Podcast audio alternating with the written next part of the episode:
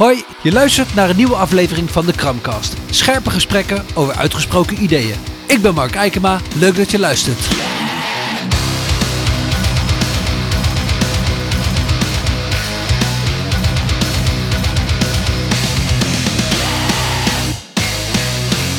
Laten we dat eens doen.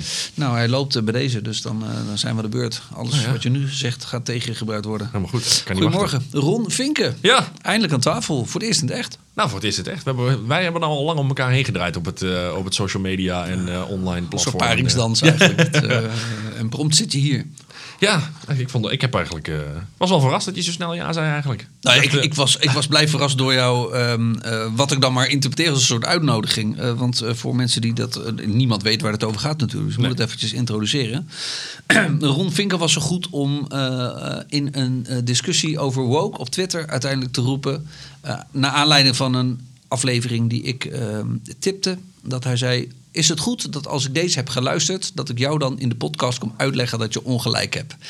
En toen verscheen er een glimlach op mijn gezicht en ik dacht, ja, hier hou ik van. Ja, nee, maar de, de, de, de, de, overtuiging en, en een so- soort van lef, maar ook gewoon een soort van lol van, joh, laten we er dan nog lekker op ingaan. Vond ik fantastisch. Dus ik dacht, eh, nou, welkom. En Ja. het is nu vrijdagochtend en hier zitten we dan. Vrijdagochtend koffie erbij, water Heerlijk. erbij.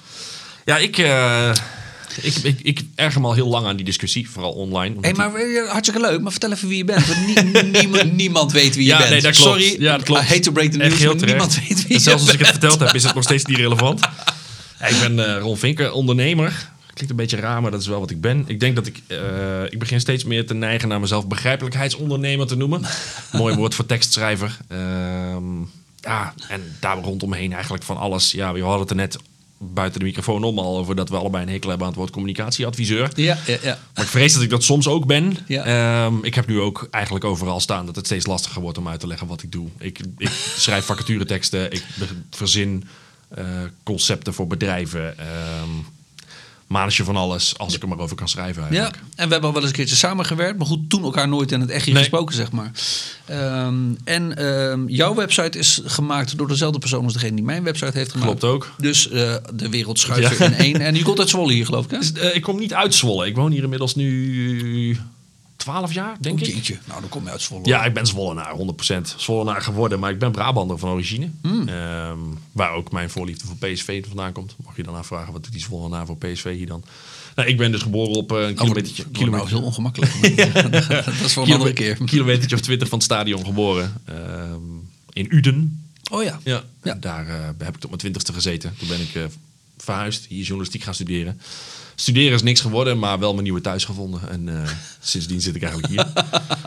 Hartstikke goed. Uden is toch ooit heel ver gekomen in de beker of zo? In de KNVB Udi, beker? jazeker, Udi 19. Ja, maar Udi 19 is wel een clubje hoor. Ja, maar die zijn toch echt een keer tot de kwartfinale of halve, wat was het ook weer? Denk ik eerlijk gezegd niet. hebben maar iets heel geks gedaan Die moeten mensen verrast hebben. Want die hebben, daar, zit, daar zit zoveel, weet je, Beter Bed en zo zit er allemaal omheen. Ja. Ben van Dijk. Er zijn allemaal best wel grote... eh, ja, je weet een beetje, weet je, een beetje hoe, het- hoe het amateurvoetbal werkt. Nou, pff, nauwelijks. Maar als je sponsors hebt die bereid zijn om jouw spelers op hun loonlijst te zetten voor een aantal Oh, euro, ja. dan kun je echt wel aardig spelen, zeg maar. Oud, oud basisspelers van eerste divisieclubs. En Oh, dat ja. soort jongens die dan voor Udi komen spelen. Ja. Eh, maar dan kom je best aan end. En Ja. eh, die hebben dus inderdaad... Maar dat is ook regelmatig spelen. Zijn we tegen een Galatasaray of zo die daar dan komt, komt oefenen. Dus die hebben, ja, dat is, daar zit wel... daar zit wel wat, zeg Ja. maar, in Udi 19. Dat klopt. Oh, leuk. Nou, Ja. misschien dat eh, als ik ooit nog in de buurt ben, dan eh, ga ik er waarschijnlijk niet langs. Nee, maar die doen dus geen reet Nee, aan. maar het klinkt zo sympathiek om te zeggen van wel. Eh, maar goed, eh, eh, dat, is dat over jou. Ja, Maar vertel, want inderdaad, laten we gelijk de materie in duiken. Ja. Ik bedoel, daarvoor zitten we hier per slot van rekening. Het is allemaal du- dure tijd als ondernemers. Ja, ja. Dus, jij, jij irriteerde je aan de discussie, vertelde je. Vooral de, de, de online discours die ontstaan is. Ja. ja, vind ik enorm frustrerend. Ja. Ehm, ik zie het nu dus. Ik, ik, was, ik schrok enorm van Jessil Goes. Die Mhm. zegt dat we dat, dat die dan de wokisten en ex wokisten sowieso al een term waar ik helemaal, helemaal akelig van word. En dat op één lijn wil zetten met, eh, met de dreiging die extreem rechts vormt voor onze Mhm. democratie. eh, vind ik totaal overtrokken en bezopen. Oké. En eh, ja, toen jij dus vroeg van wat, wat, waar kwam dit hele vandaan? Jij vroeg op Twitter, wie kan mij uitleggen wat woke is? Ja. En ik legde jou uit wat woke is. En Ja, de, de- en, en kun je dat nog even herhalen? Want het Ja, staat mij niet meer helemaal scherp. Want ik geloof dat ik 200 woke is reacties heb. Dus, woke is een term die heel, heel ver eh, terug eigenlijk bestond tegen... eh, komt vanuit zwarte Amerikanen. Die zeiden van stay woke. Op deze plekken is het heel gevaarlijk. Dus Ja. het is eigenlijk een waarschuwing tegen raciaal geweld. En is daarna geëvolueerd naar een term eh, waarin dus ehm, racistisch geweld ook veel subtieler kan zijn. Als Ja. in uitsluiting ehm, Ja. en daadwerkelijk... eh, nou, geweld hoorde daar ook nog bij, maar voornamelijk sociale uitsluiting op basis van je huidskleur. Ja. Ehm, Wat in Amerika natuurlijk heel lang echt een realiteit is geweest. Ik geloof Ja. zelf dat tot de jaren, nou was het niet de jaren 50 of 60, dat er staten waren waar je als zwarte man of vrouw niet met Reken er een... maar op dat dat heel in, Amerika, in heel Amerika zo was. Ja. Het was gewoon een gesegregeerde eh, samenleving. Ja. Eh, in 1945 vochten de zwarte soldaten apart van de witte soldaten. Ja. We hebben een heel heldhaftig beeld van de Amerikanen die ons kwamen redden. Maar daar waren gewoon hele pelotons zwarte jongens die niet met de witte gezien mochten Ja, worden. vreemd hè? Ja, het is een, het is een bizar land. eh, voor mij. Oh ja, ja, ja, we eens. En dat zijn, dat zijn dingen die daar... dus daar komt die term origineel vandaan. Eh, Ja. En ik denk dat die term heeft een nieuwe vlucht genomen door George Floyd. Wat een van de eerste keren was dat je daadwerkelijk kon zien waar zwarte mensen mee dealen. Elke Nou, dag. Rodney King was natuurlijk eh, al Rodney een King was aardige tijd daarvoor al. Dat was ook een drama. Ja, dat was, ja. maar die, die rellen die daaromheen ontstonden, de, de BLM-protesten, toen is, is woke heeft weer een nieuwe vlucht genomen. Ja. Ehm, En, wat, en wat is het volgens jou toen gaan betekenen dan? Ik of denk dat nog het- steeds hetzelfde? Ik denk dat het staat voor sociale onrecht. En dat er inderdaad nu wel mensen zijn die het hebben geclaimd. Dus inderdaad de trans, de eh, LGBTIQ generatie die dan nu... Dat is heel racistisch wat je nu zegt. Hè? Je Ja. moet namelijk zeggen 2S LHBTI. Ja, nee, mijn vriendin zit in het bestuur van het COC, dus ik ga helemaal nat. Eh, maar ik, eh, ik ben... ehm, ik denk dat dat het is geworden. Het is nu voor iedereen die voelt dat ze onrechtvaardig worden buitengesloten. Ja. En die daartegen ageren voornamelijk. Dus de mensen die op Twitter eh, schreeuwen tegen Thierry Baudet. Ja. Ik denk dat dat is wat... ik zie ook eigenlijk als ehm, een soort spiegel. Van mensen die van alles beloofd is over wat, wat er allemaal mogelijk is in de Nederlandse samenleving. En nu eh, naar de, zeg maar, de witte politici lopen en zeggen: Kijk eens, dit is wat je allemaal hebt beloofd. Ja. Ik hou nu mijn handen heel theatraal voor eh Ja. Mark's gezicht. Ehm, en ik zie daar niks van. Nee. Waarom niet? Leg maar eens uit waarom niet. Ja. Ik denk dat dat wat is wat woke is op dit moment. En wat vind jij ervan dat dat uiteindelijk is eh, geworden wat woke is? heb jij zoiets van, joh, het, het zou eigenlijk voorbehouden, noem ik het dan maar, moeten blijven voor mensen met een niet-blanke huidskleur. Ehm, en nou weet je, wees alert over systemisch racisme, om er wat te noemen. Ja. Of zeggen van ja, ik juich het eigenlijk wel toe dat ook de trans mensen eh, woke gebruiken voor hun belangen. Ja, ik denk dus dat hoe meer je spreekt over wat woke is, hoe verder je wegkomt bij de mensen die zich daadwerkelijk woke noemen, als die er al zijn. Ik denk niet dat er heel veel mensen in hun profielfoto hebben staan, of op hun Twitter-profieletje hebben staan, dat ze woke zijn. En dat woke een soort eenduidige betekenis heeft. Ik denk dat het grootste gedeelte voornamelijk is dat je gewoon sociaal ehm, wakker bent, om, die, eh, om nog maar eens een term te noemen die helemaal naar de kloot is geholpen. Ja, Ehm, dat je om je heen ziet dat er eh, eh, onrecht bestaat, is wat mij betreft woke. Alleen als je mij vraagt, ben jij woke? Denk ik het niet. jij zou jezelf niet woke noemen. Dus. Ik denk dat ik niet woke ben, omdat ik ook wel grenzen stel aan ehm, wat je soms ziet bij. eh, er is één mevrouw van bij één bijvoorbeeld die op Twitter hele nare dingen roept, af en toe eh, vanuit het linkse spectrum. Mhm. En dat ik denk, nou ja, als dit het is wat betekent om woke te zijn, ben ik dat dus blijkbaar niet meer. Nee.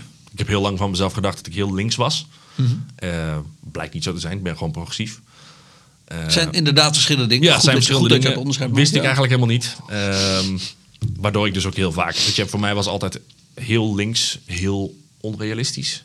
En dan zie je in progressieve, in progressieve land dat daar wat meer real- realiteitszin in zit hier en daar. Ja.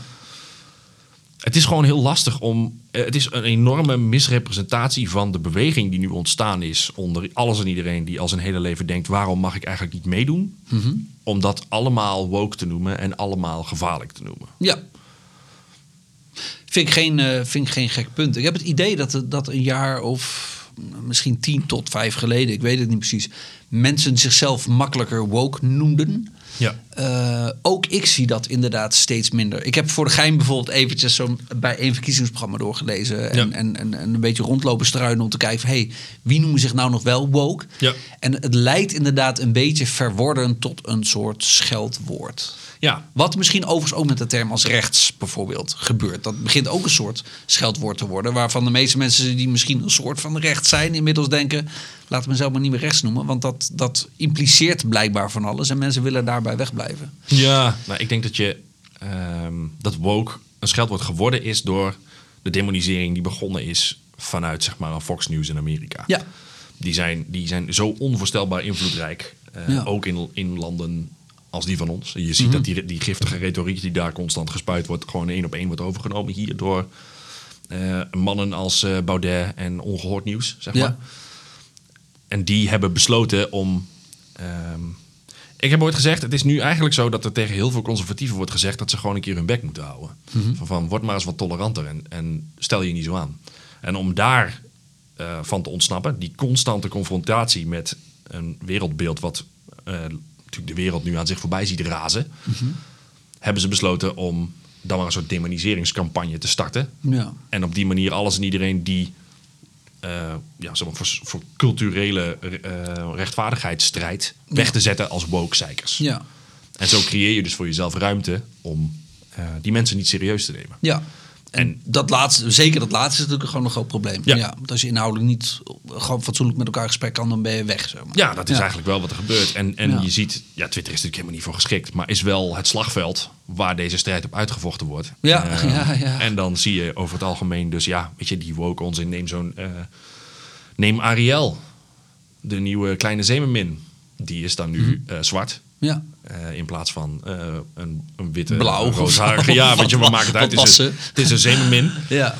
Ze bestaan niet echt. En dan alsnog ontstaat er een enorme woede over het feit dat ze zwart is. Door wie? Dat vind ik een hele goede vraag. En daar zou ik ook wel graag antwoord op willen. Maar er, zijn dus heel, er is een enorme beweging van online strijders... die zich verzetten tegen het woke-fenomeen. Waarom moet zoiets nou, waarom moet zo'n eh, meisje ineens zwart zijn? Ik denk dat er heel weinig mensen aan de rechterkant, conservatieve kant, give it a name, Ja. de, de critici, eh, eh, dat die er bijna niet zijn. Ik heb het idee, voor zover ik deze discussie heb meegemaakt, en ik heb me in deze niet zo heel verdiept, want ik heb geen tv en ik heb geen Disney, dus dat interesseert me eigenlijk helemaal geen ene laai in de Wat kut. kijken je kinderen dan, joh? Eh, sorry? Wat kijken je kinderen dan? Die kijken naar de kippen die in de tuin lopen. Ah, nee, mijn kinderen ja. kijken heuselen iets. ik en helaas op YouTube. En Ja. ik vind YouTube echt heel kut. Maar goed, prima. Nee, maar weet je, dit, dit gaat op zich redelijk aan me voorbij. Ja. Maar wat ik vooral zie... ehm, en ik probeer echt door de algoritmes heen te kijken. Want ik, ik probeer ze een beetje te doorgronden. En ik volg dan ook bewust echt geluiden waar ik het heel erg mee oneens ben. Ja. Dat er vooral vanuit wat ik dan maar noem de linker of de progressieve kant... ehm, een soort, ja, agressie durf ik het bijna niet te noemen. Maar haha, zie je wel, al die conservatieve klootzakken. Maar we hebben eindelijk een zwarte zeemermin. Terwijl bijvoorbeeld, ik denk een, een Ben Shapiro en een Jordan Peterson... om Ja. maar even twee bekende te noemen... Ja. Die het waarschijnlijk geen reet interesseert. Wat ik wel een probleem vind, want ik, ik zou er ook kritiek op kunnen hebben... dat is namelijk wat ik zie over het punt van representatie. Ja. TikTok helemaal vol met zwarte meisjes die aan het janken zijn... dat er eindelijk een zwarte zeemermin is. Ja. Ik denk, oké, maar dat, dan ben je een racist. Als je dat zo belangrijk vindt, dan ben je een racist. En dat mag. En dat moet je, en dat moet je dan ook gewoon toegeven en als zodanig kunnen benoemen. Ja. Maar het maakt toch geen flikker uit wat voor een huidskleur die eh zeemermin heeft. En als je dan als zwart meisje zou mogen janken... omdat het zo belangrijk is dat voor jou Ariel zwart is... dan mag jij het als blank kindje ook heel belangrijk vinden... dat Ariel blank blijft. Dan moet je beide groepen ook even eh, op dezelfde manier blijven behandelen. En dat gebeurt dus niet.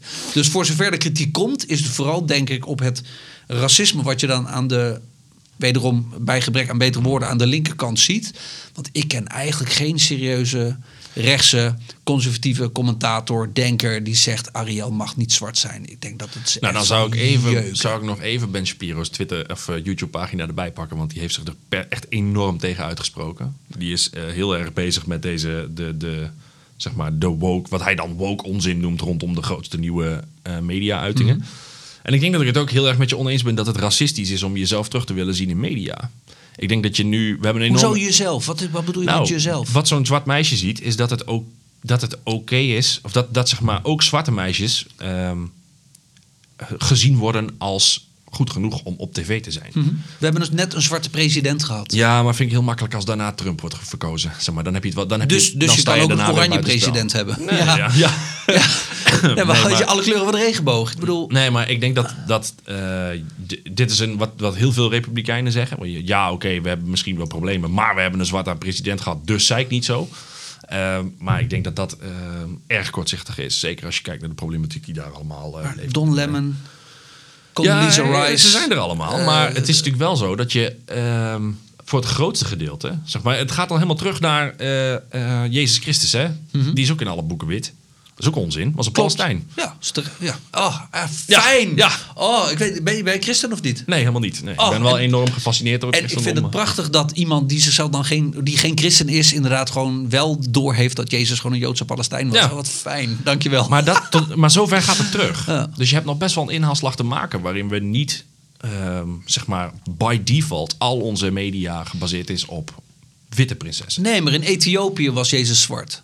In de, in de verbeeldingen, zeg Oh, dat wist ik helemaal niet. Dat vind Ja, ik zeker. een tof feitje. En, en er, zijn, eh, er zijn prima Aziatische, en ik weet niet of dat dan Japans is of uit een ander Aziatisch land, want daarvoor zit ik daar net iets te weinig in. Waar je echt Aziatisch uitziende representaties ziet van Jezus. En dat is vrij logisch, want Europa is natuurlijk heel lang overwegend blank geweest. Dus ik snap dat die Ja, maar, en verbeeldingen het sluit dus aan bij wat ik tegen je zeg. Als je zegt van nou, hoe wil je nou dat mensen met jou... ehm, nou, laten we dan even heel, heel denigrerend het christendom content noemen. Ja, ja. Hoe wil je dat mensen, hoe zorg je dat mensen connectie maken met jouw content? Dat is als ze mensen zien die lijken op zichzelf. ja, maar dat, daar heb ik dus een probleem mee. Ja, oké, maar dat is gewoon een wet. Je kan, wel, je kan er een probleem mee hebben, maar dat is gewoon hoe het werkt. Zeg maar, als je wil laten zien aan mensen dat ze erbij horen, zul je ze er ook bij moeten betrekken. En je kan niet tegen, ze- tegen ze zeggen: Oké, inderdaad, alles en iedereen is wit aan deze kant van de tafel, maar jij bent ook belangrijk. Ja, ik, ik, ik zie dat dus niet. En ik denk dat daar een heel groot, heel groot onderscheid zit. Het maakt mij geen reet uit Nee, maar of jij nou bent- wordt vertegenwoordigd Maar jij bent wit. Nou en? Ja, maar jouw hele, de, de hele mediageschiedenis is wit. Ik voel mij niet slecht te vertegenwoordigen door het Nederlands elftal... als daar niet weghorst in de punt van de avondstaart mijn Gakpo. Nee, maar dan moet ik dus even afstappen van het feit dat ik met jou aan het discussiëren ben. Mhm. ik, heb het, ik denk dat, jou, dat ik toen ik op jou reageerde, het idee had dat je veel rechtser was dan ik denk dat je bent. Ik weet niet wat je bedoelt met rechts, maar ik zou mezelf aardig rechts, Waar stem je op? scheidconservatief noemen. Ik neig steeds meer naar de SGP. Ik Oké. ben, eh, ik kom... eh, Maar daarvoor van- CU dan of zo? Nee, ik kom van de VVD af. Oké. Alleen eh, die zijn mij te woke. Grapje. nee, maar ik, ik ben ehm, eh, meer vrije marktkapitalist, denk ik, dan de VVD. Ja. Ik ben ook, denk ik, cultureel conservatiever dan de VVD. Eh, en daarin begin ik steeds meer sympathie te ontwikkelen voor de SGP. Maar juist ook door hoe ze de politiek bedrijven. En dat, dat, dat hoor ik heel veel mensen zeggen. De onsterfelijke SGP. Ja, want, Ja. want ik ben niet per se een diehard uh, gereformeerde uh, politiek met de Bijbel uh, Nee. denker, zeg maar. Maar ik vind dat ze echt wel een hoop goed doen. Uh, Ik dus, Van der Staaij een hele sympathieke meneer. Ja. ja, ja. Maar ik vind het mooi dat Maar goed, hij... Sylvana kan ook ontzettend goed lullen. En daar Ja. is nooit op stemmen. Goed, dat, uh, Nee, maar ik vind, ik vind ik, ik, zoals ik al zei, de onsterfelijke SGP, die man die heeft een soort steady basis waar hij van bestaat, Ja, zeg maar. ja, en ja. die zit er al zo lang. En ik vind het zo indrukwekkend dat hij dat met zoveel... Ik, ik, ben, een, ik ben wel een fan van hem. Het ja. is inderdaad een, en met humor. een soort en, uh, terugworp naar een ouder... Uh, zeg maar toen, toen politiek nog netjes was, Ja, zeg maar. oh, die tijd. Ja. Oh, het is toch gênant wat er, uh, wat was het gisteren, eergisteren gebeurde. Ja, dat was treurig. Ja, maar sowieso. Eh, wat, wat Baudet doet is treurig, maar dat de rest dan wegloopt vind ik ook treurig. Nee, ik vind het ook treurig dat we die weglopen op het moment dat Wilders aan het woord komt. Ik uh, vind dat wat hij doet is totaal onacceptabel. Je vindt dat je weg moet lopen bij Wilders? Al, al, al 25, daar zou je al 25 jaar bij weg moeten lopen. Oh ja, daar zijn we het inderdaad zeer over oneens. Die man die staat nazi-retoriek te verkondigen in de Tweede Kamer. En dat is onacceptabel. En dat zo'n Azarkan dan nu Ja, eindelijk... moet je hem op aanspreken. Ja, maar dat zo'n Azarkan dan eindelijk nu zegt van... joh, luister, er staat hier gewoon een man... 1 miljoen Nederlanders Ja. te demoniseren. En zodra meneer Baudet... Na, namens nog meer miljoen Ja, Nederlanders, precies. hè? En die uh, mag dat gewoon allemaal. En Baudet die zegt iets over een schooltje in Engeland en over Sigrid Kaag. Jullie lopen allemaal weg. Ja. En dat, die hypocris, hypocrisie die daar um, heerst, is waar nu zeg maar, het nieuwe links zich veel meer tegen uitspreekt. Want Wilders is voor het grootste deel de reden dat mannen als Thierry Baudet bestaan.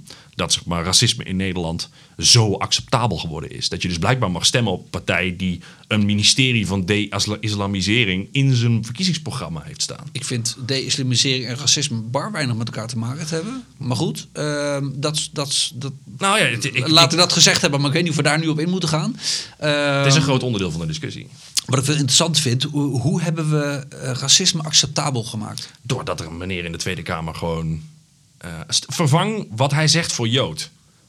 En dan is de wereld wel een heel stuk kleiner hè, ineens. Ja, maar Joden zijn mensen, de islam is een geloof of een ideologie, zo je wil. Vind ik een groot verschil. Ja, maar ik, dat, dat- dan zijn we semantiek. Hij weet, we weten allemaal over wie hij het heeft. Hij valt de cultuur aan, zodat hij niet hoeft te zeggen Arabieren. En hij heeft ook vaak zat Arabieren gezegd. Dus die zijn minder Marokkanen. Speech is natuurlijk ook uh, Die was schandalig. Ja, maar Ja. daar heb je er eentje pakken waarvan... Want ik ben ook geen fan van de beste man, hè? Nee. Dus ik ben hem ook liever kwijt en rijk. Maar ik vind wel dat we dat, we dat, dan- dat gesprek echt goed moeten voeren. Want dat is de enige manier waarop we tot de oplossing komen. Eh, kritiek hebben op de islam vind ik prima. Want als hij tegen maar zeggen, een Marokkaanse dame met een hoofddoek... als die dame zegt, oké, stel ik word atheïst en ik doe mijn hoofddoek af... Ja. is het dan wel goed? Dan zou Wilders zeggen, ja, uitstekend idee. En Hitler zal tegen, eh, eh, als er een Jood aankomt, zeg maar, een Joodse Ja. vrouw, en die zegt: Ik doe mijn. Heb die een hoofddoek? Weet ik niet. Stel, Ja. hoofddoek af en ik word atheïst, is het dan goed? Nee, want dan ga je alsnog naar de gaskamer, want dan gaat het namelijk om wie je bent en niet om wat je gelooft. En dat vind ik echt een heel groot verschil. Ja, dat ben ik niet met je eens. Ik denk dat je, dat, laten we het dan inderdaad niet racistisch noemen, maar discriminatoire. Zeg maar, zijn, zijn neiging om hele mensen, hele volksstammen letterlijk uit te sluiten eh, vanwege wat ze geloven, is natuurlijk idioot. En ja, er zijn buitenlandse voorbeelden van radicale moslims die het compleet verkeerd aanpakken. Maar als je nu kijkt naar wat er in Amerika gebeurt, kun je niet, je ook niet meer beroepen op de, de goede aard van de christenen. Dus je kan wel roepen onze christelijke waarden. Maar als je ziet wat christelijke waarden kunnen doen als ze eh, vrij spel krijgen in een Amerika v- van nu, eh, wordt dat best wel eng. Het, zou prima kunnen, maar goed, we hadden het niet over christelijke waarden in Amerika. Nee, maar is- graag trouwens wel hoor. Dat, ik, ik vind dat natuurlijk heel interessant. Maar, ehm, nee, maar het is ehm, wel, het is, het is ehm, eh, heel gemakkelijk. Ik, ik denk dat elke vorm van, poli- van eh, gepolitiseerde religie gevaarlijk kan zijn. Ja, als, je de als je de verkeerde mensen Volop, ja. eerst, de, eerst de verkeerde mensen aan de macht krijgt. Maar dat maakt het, maakt het niet oké om te roepen wat hij roept. Nee, maar ik vind wel, en, en, en, en in dat opzicht ben ik dan, sta ik nog relatief aan zijn kant. Ah, Ja. ik ben een grote verdediger van het vrije woord. Van mij mag je wat dat betreft Alles zeggen. Nou ja, niet alles. Er zijn natuurlijk eh, wettelijke kaders Ja, waar, die we met z'n allen wel oké vinden. De Oproepen grenzen tot van- moord, zeg maar, weet je, vinden we allemaal best wel kut. Dus laten we dat vooral niet doen. Maar ik, ehm, eh, eh, ik ben zelf zeer kritisch op de islam bijvoorbeeld. En ik vind het heel fijn dat, er, dat, dat dat gezegd mag worden. Zoals jij zegt in de Tweede Kamer. Ik vind de islam een achterlijke, gevaarlijke, gewelddadige ideologie. Roep het vooral. Savannah Simmons mag zeggen: het kapitalisme heeft miljarden mensenlevens gekost voor de wereld. Voor Ja. mij mag ze dat roepen. Ik ben een kapitalist. Ik zou haar van repliek kunnen voorzien. Een moslim kan Geert Wilders van repliek voorzien. Ik zou dat ook nog wel kunnen. Ehm, maar dat dat snel wordt geframed als racisme, want hij heeft een hekel aan die mensen, dat geloof ik niet. Er zitten zelfs Marokkanen in de PVV. Die zijn actief binnen de PVV. Ja, maar dat is die, die, die he's one of the good guys fallacy, zeg maar. Die, dat klopt. Er zullen vast wel mensen zijn die hun hele ideologie laten gaan om erbij te horen. Maar Of, of die ook gewoon zeggen: ja, inderdaad, de islam is een gevaarlijke godsdienst. ja, als je het hebt over een Lalegul of dat soort dingen. Ja, tuurlijk. Dat zijn, er zijn mensen die geconfronteerd zijn geweest met hoe gevaarlijk een religieuze filosofie kan zijn als het te ver doorschiet. Maar die verhalen heb je ook over, over gereformeerden. En die heb je ook over, nou, noem nog eens eh, de, de boeddhisten. Ehm, die zijn er overal. Tuurlijk, maar het, het, het punt is dat wat mij betreft Geert Wilders prima kritiek mag hebben op een... Of, en of het dan een religie of een ideologie noemt, dat, weet je, Ja. dat- daar komen we misschien niet helemaal uit. Vind ik voor nu ook niet zo spannend. Nee. Maar dat, dat hij dat doet en hij zegt de islam is gevaarlijk, roep het. Roepen moslims zijn gevaarlijk, vind ik alweer een heel ander ding. Ja. Want dan gaat het over die mensen. En hij gaat, daar, hij gaat daarmee de mist in. Hè? Dus ik wil niet zeggen dat, hij het dat het goed doet.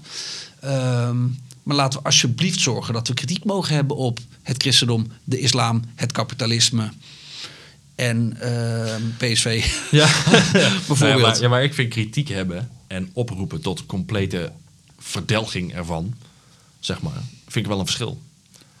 Ik denk dat bij één heel graag het kapitalisme de wereld uit wil helpen. Ja, maar ik vind het kapitalisme niet vergelijkbaar met, met een wijze waar je je hele leven op... op eh, kapitalisme is simpelweg het raamwerk waar wij onze economie omheen, omheen hebben gebouwd. Ik bedoel, er zijn geen, niemand gaat naar de kerk van het kapitalisme op zondagochtend.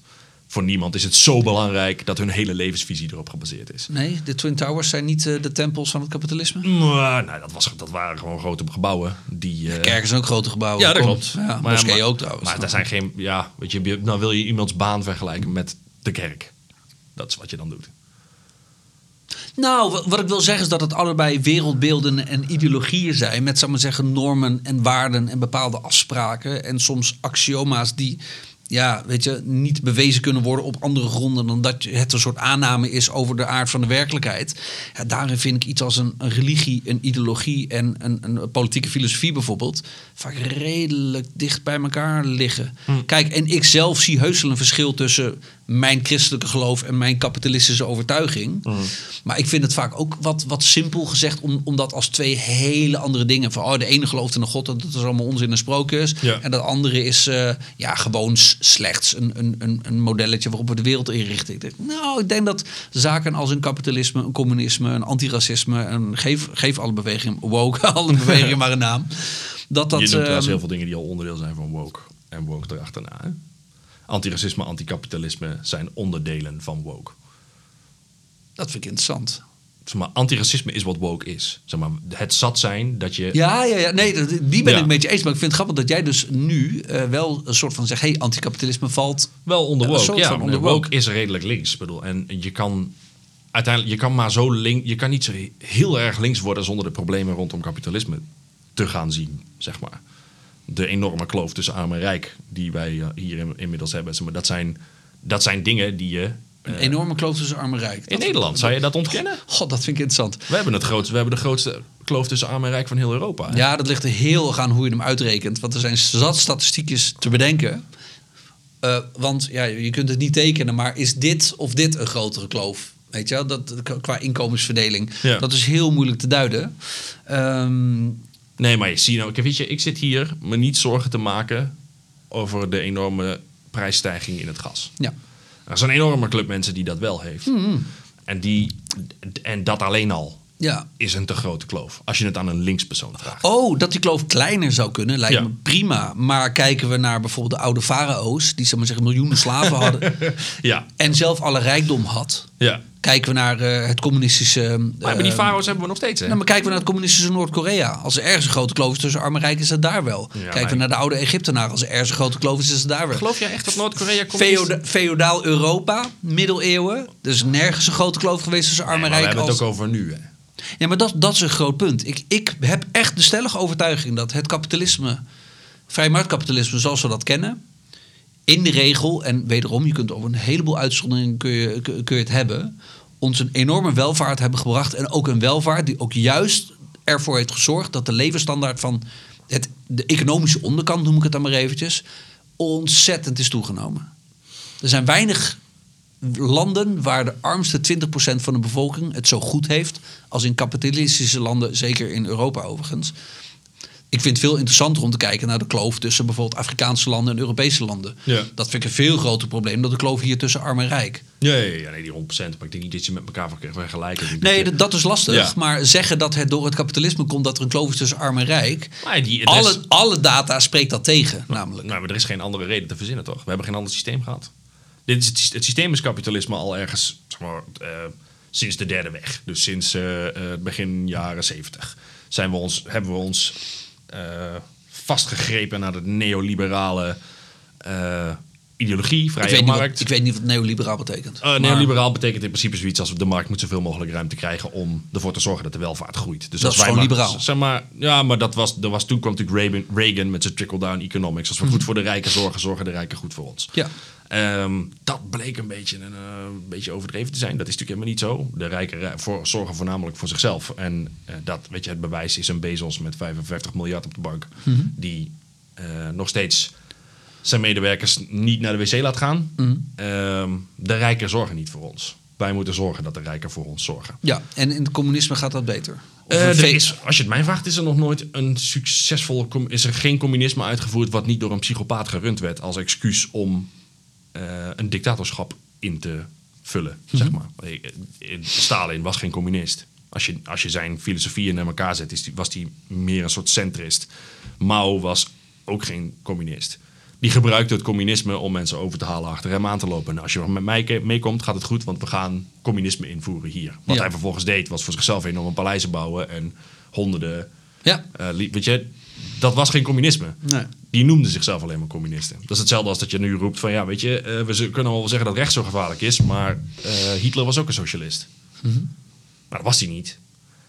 Wat was je dan wel? Ja, er was ook een centrist die een enorme hekel had aan Joden. Dat is Ja. Het probleem is dat je ehm, links is voorbijgelopen als de partij die zorgt voor de arbeiders. Door rechts. Ja. En dat is wat er. ehm, en omdat rechts nu voor de arbeiders moet zorgen, en met zo min mogelijk overheidsinterventie en eh, zorg, dat, krijg je nu een soort zorg maar voor jezelf American Dream concept, zeg maar. Ja. Trek jezelf op bij je broekriem en zorg maar dat je er komt. Ja. Het probleem is alleen, om het dan even terug te trekken naar woke, is dat er voor heel veel mensen ehm, toch nog altijd een, eh, een barrière is. En die is huidskleur. Waar? Overal. De, de gemiddelde niet-westerse immigratie. eh, de gemiddelde gezinnen met een niet-westerse immigratieachtergrond, moet ik het tegenwoordig Ja. noemen, hebben ongeveer 9000 euro per jaar minder te besteden. In Europa of in In Amerika? Nederland. Oké. En dat Ik, ik ken de Amerikaanse cijfers ook wel beter dan de Ah. Europese. Nou, dus in eh, Nederland is het ook 9000 euro. En dat is veel. Ja. En we kunnen dan wel blijven roepen ehm, dat overal de kansen gelijk zijn. Maar alle statistieken die ik heb gezien spreken dat in principe In tegen. Amerika is het veel erger. Ja, dat klopt. En Amerika Ja. is het helemaal een drama. Ja. Maar daarom staat Amerika al jaren Waar komt dat door? Dat is dus... ehm, weet je, er zijn een aantal studies geweest. Ik heb de laatste opgezocht, omdat ik natuurlijk wist dat ik met jou zou gaan praten. Het is iets beter geworden. Maar als jij je solliciteert voor een baan en je zet daaronder dat je Mohammed heet... heb je gewoon een minder grote kans dat je uitgenodigd Ja. wordt. Omdat mensen toch eh, witte mensen willen hebben. En die plek aan de tafel is dus veel moeilijker te verkrijgen voor mensen met een huidskleur. Ik, ik ehm, nee, laat ik dit voorbeeld niet gaan noemen. Sorry, ga door. Nee, er schoot me iets te binnen, maar ik dacht dat dat wijkt te ver af van waar we nu mee bezig zijn. Kijk, de meeste statistieken spreken dus tegen van een soort onzichtbare muur. waar mensen met een huidskleur of met een andere rel- religie tegen moeten vechten voordat ze mee mogen doen aan de samenleving. Dus jij wil zeggen dat je al met een zwarte huidskleur in Amerika eh, ehm, ehm, minder kans hebt om een goed inkomen te In verwerven? Amerika is het hele systeem tegen jou gebouwd. Dus het is het verkeerde. Als je het over Nederland wil hebben, hebben we een iets makkelijkere discussie. Maar in Amerika zijn ze in de jaren 70 uitgesloten van eh, sociale, huis, sociale eh, woningen. zijn, ze, zijn er specifieke. Zeg maar, de war on drugs was geen war on drugs. Dat was een war on black people. Dat was alleen maar, weet je, wie gebruikt er? Dat was letterlijk Attlee, de, de grote man achter de filosofie van de Republikeinen. Die zei, hoe kunnen we zeggen dat we zwarte mensen in de bias willen hebben... zonder dat we zeggen dat we zwarte mensen in de bias hebben? Daar focussen we ze op het ding, drugs... wat voornamelijk in de arme zwarte wijken heerst. Dat betekent dat we dan vervolgens een enorme lading zwarte mensen in de bias kunnen gooien. En dan hebben we daar minder last van. Je, destabiliseert de samenleving nog meer, want je creëert een hele En lading. die man heet? Attlee.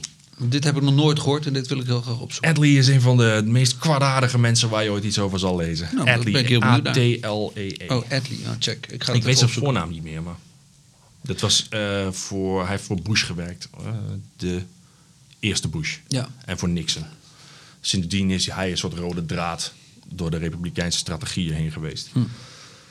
Ehm, Dus in Amerika heb je als huishouden... Ja, als ik zeg zwart huishouden, dan weten we wat te ja, bedoelen. ja, hè? ja. Eh, want je hebt ook mixen toestand. Maar goed, Ja. dus als zwart huishouden heb je in Amerika statistisch gezien een lage kans om zal maar zeggen, een fatsoenlijk inkomen als huishouden te genereren. ja, zeker weten. Hoe kan het zijn dat mensen uit Nigeria en Congo meer verdienen dan blanke huishoudens? Dat is anekdotaal bewijs. Ik, Het is een grote groep. Dat zijn Ja, ja, ja, honderdduizenden ja, mensen maar die verdienen dat is een leuk- als dat is- grote groep vergeleken met blanken. Ja, maar je, ik probeerde, ik wilde het eigenlijk wil ik ermee beginnen, maar ik was het vergeten. Ik dacht, laten we proberen om drogredeneringen te ontwijken deze keer. Graag. En, dit, en ik had een lijstje gemaakt van wat Aha. zijn dan drogredeneringen. En dit is een, ehm, eigenlijk een, een haastige, dit is de haastige generalisatie drogredenering. Nee, de zwart, alle zwarte als gelijk behandelen Ja, maar dat is wat is, is een drogreden. Nou, maar als jij zegt, Toch? Ik, nou, maar als jij zegt, ik, ik zie dat Nigeriaan, Nigerianen het wel goed doen, dan zou de rest, dan, wat, de conclusie die je daaraan moet verbinden is dat de rest lui is. Of Nee, niet hard genoeg werkt. Nee, zeker niet. Nou, dat is wel wat. Als, als jij zegt, in Amerika heb je als zwarte, ehm, als zwart huishouden Ja. statistisch ehm, eh, gezien een lager inkomen per huishouden, dan klopt dat. Ja. Dan wil ik weten, hoe komt dat? En dan zien we dat inmiddels, ik geloof zeker in de achterstandswijken, en misschien is het overal, dat weet ik even niet, eh driekwart van de kinderen wordt geboren in een eenoudergezin. In Ja. principe is dat vaak de moeder. Die heeft dan natuurlijk geen werk. Dat geldt wel als een zwart huishouden.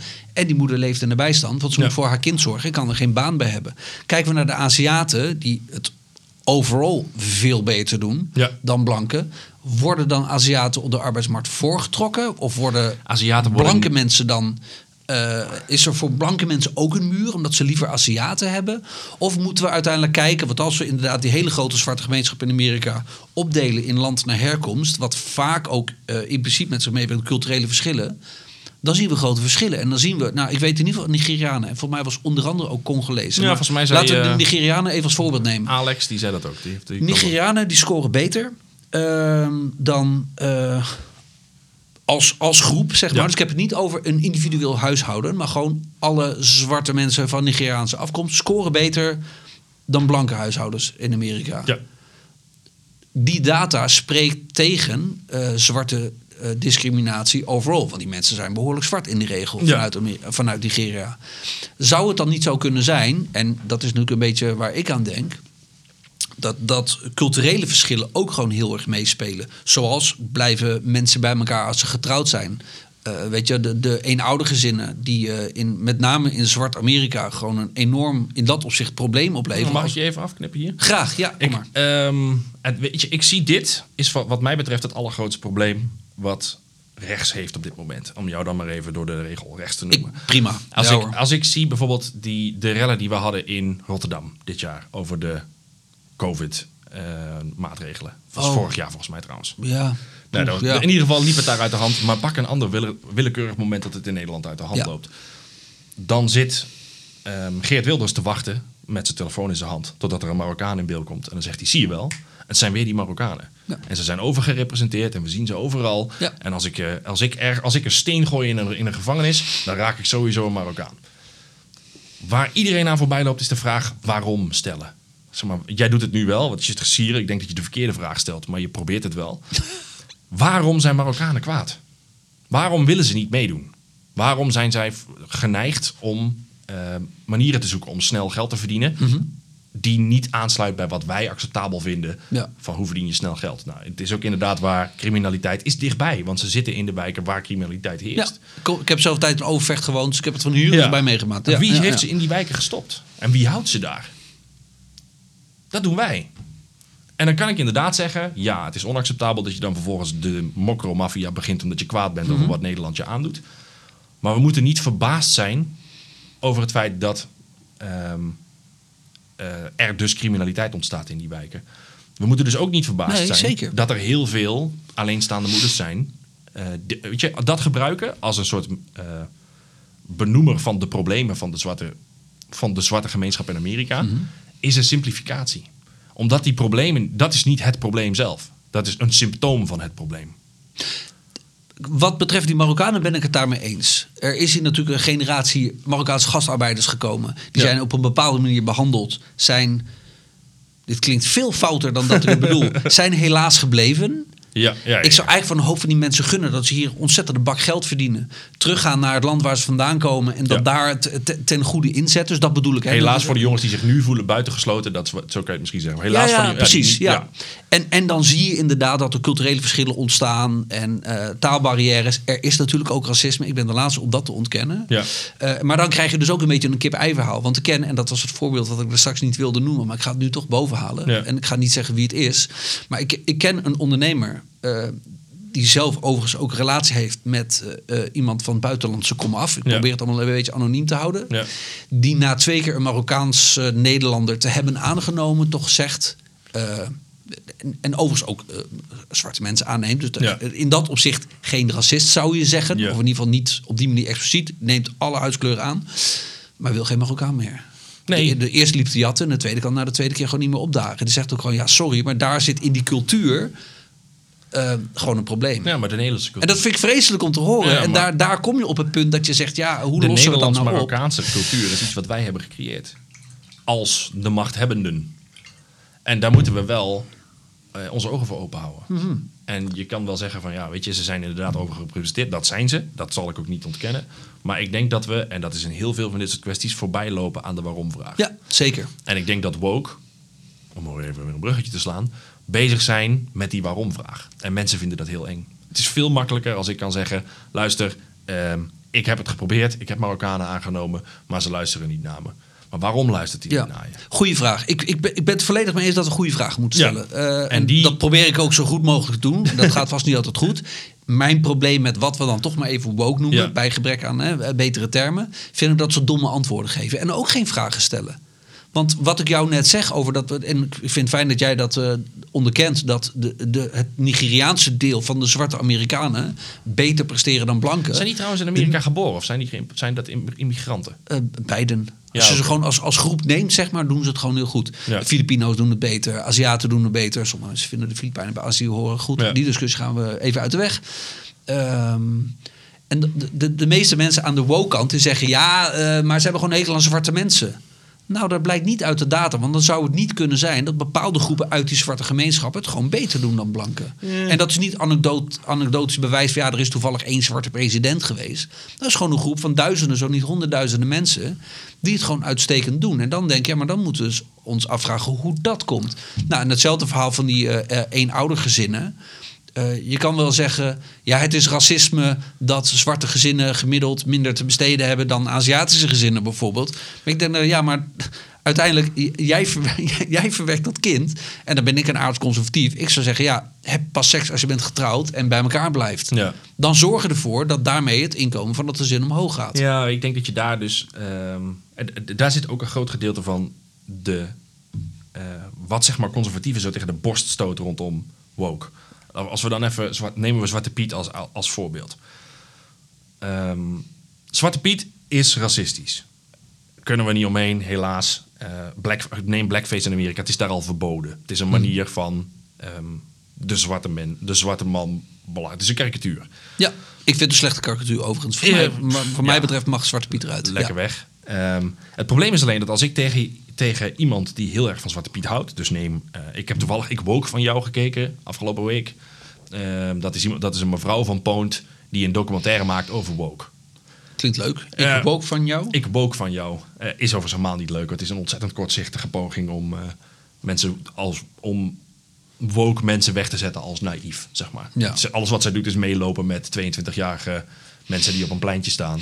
Ja. Eh, die natuurlijk hele domme dingen roepen, want, ze, want Ja. het zijn kinderen. Ja, die vind je overal. Ja, precies.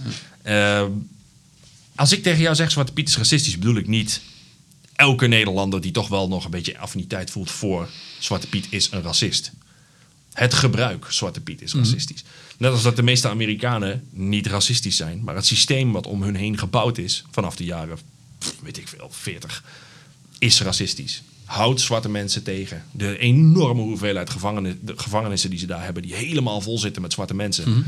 Alleen maar omdat er bewust beleid is gemaakt. Je zou de 13th ook even aan dat lijstje moeten toevoegen. Gaat over het 13e amendement eh, in Amerika.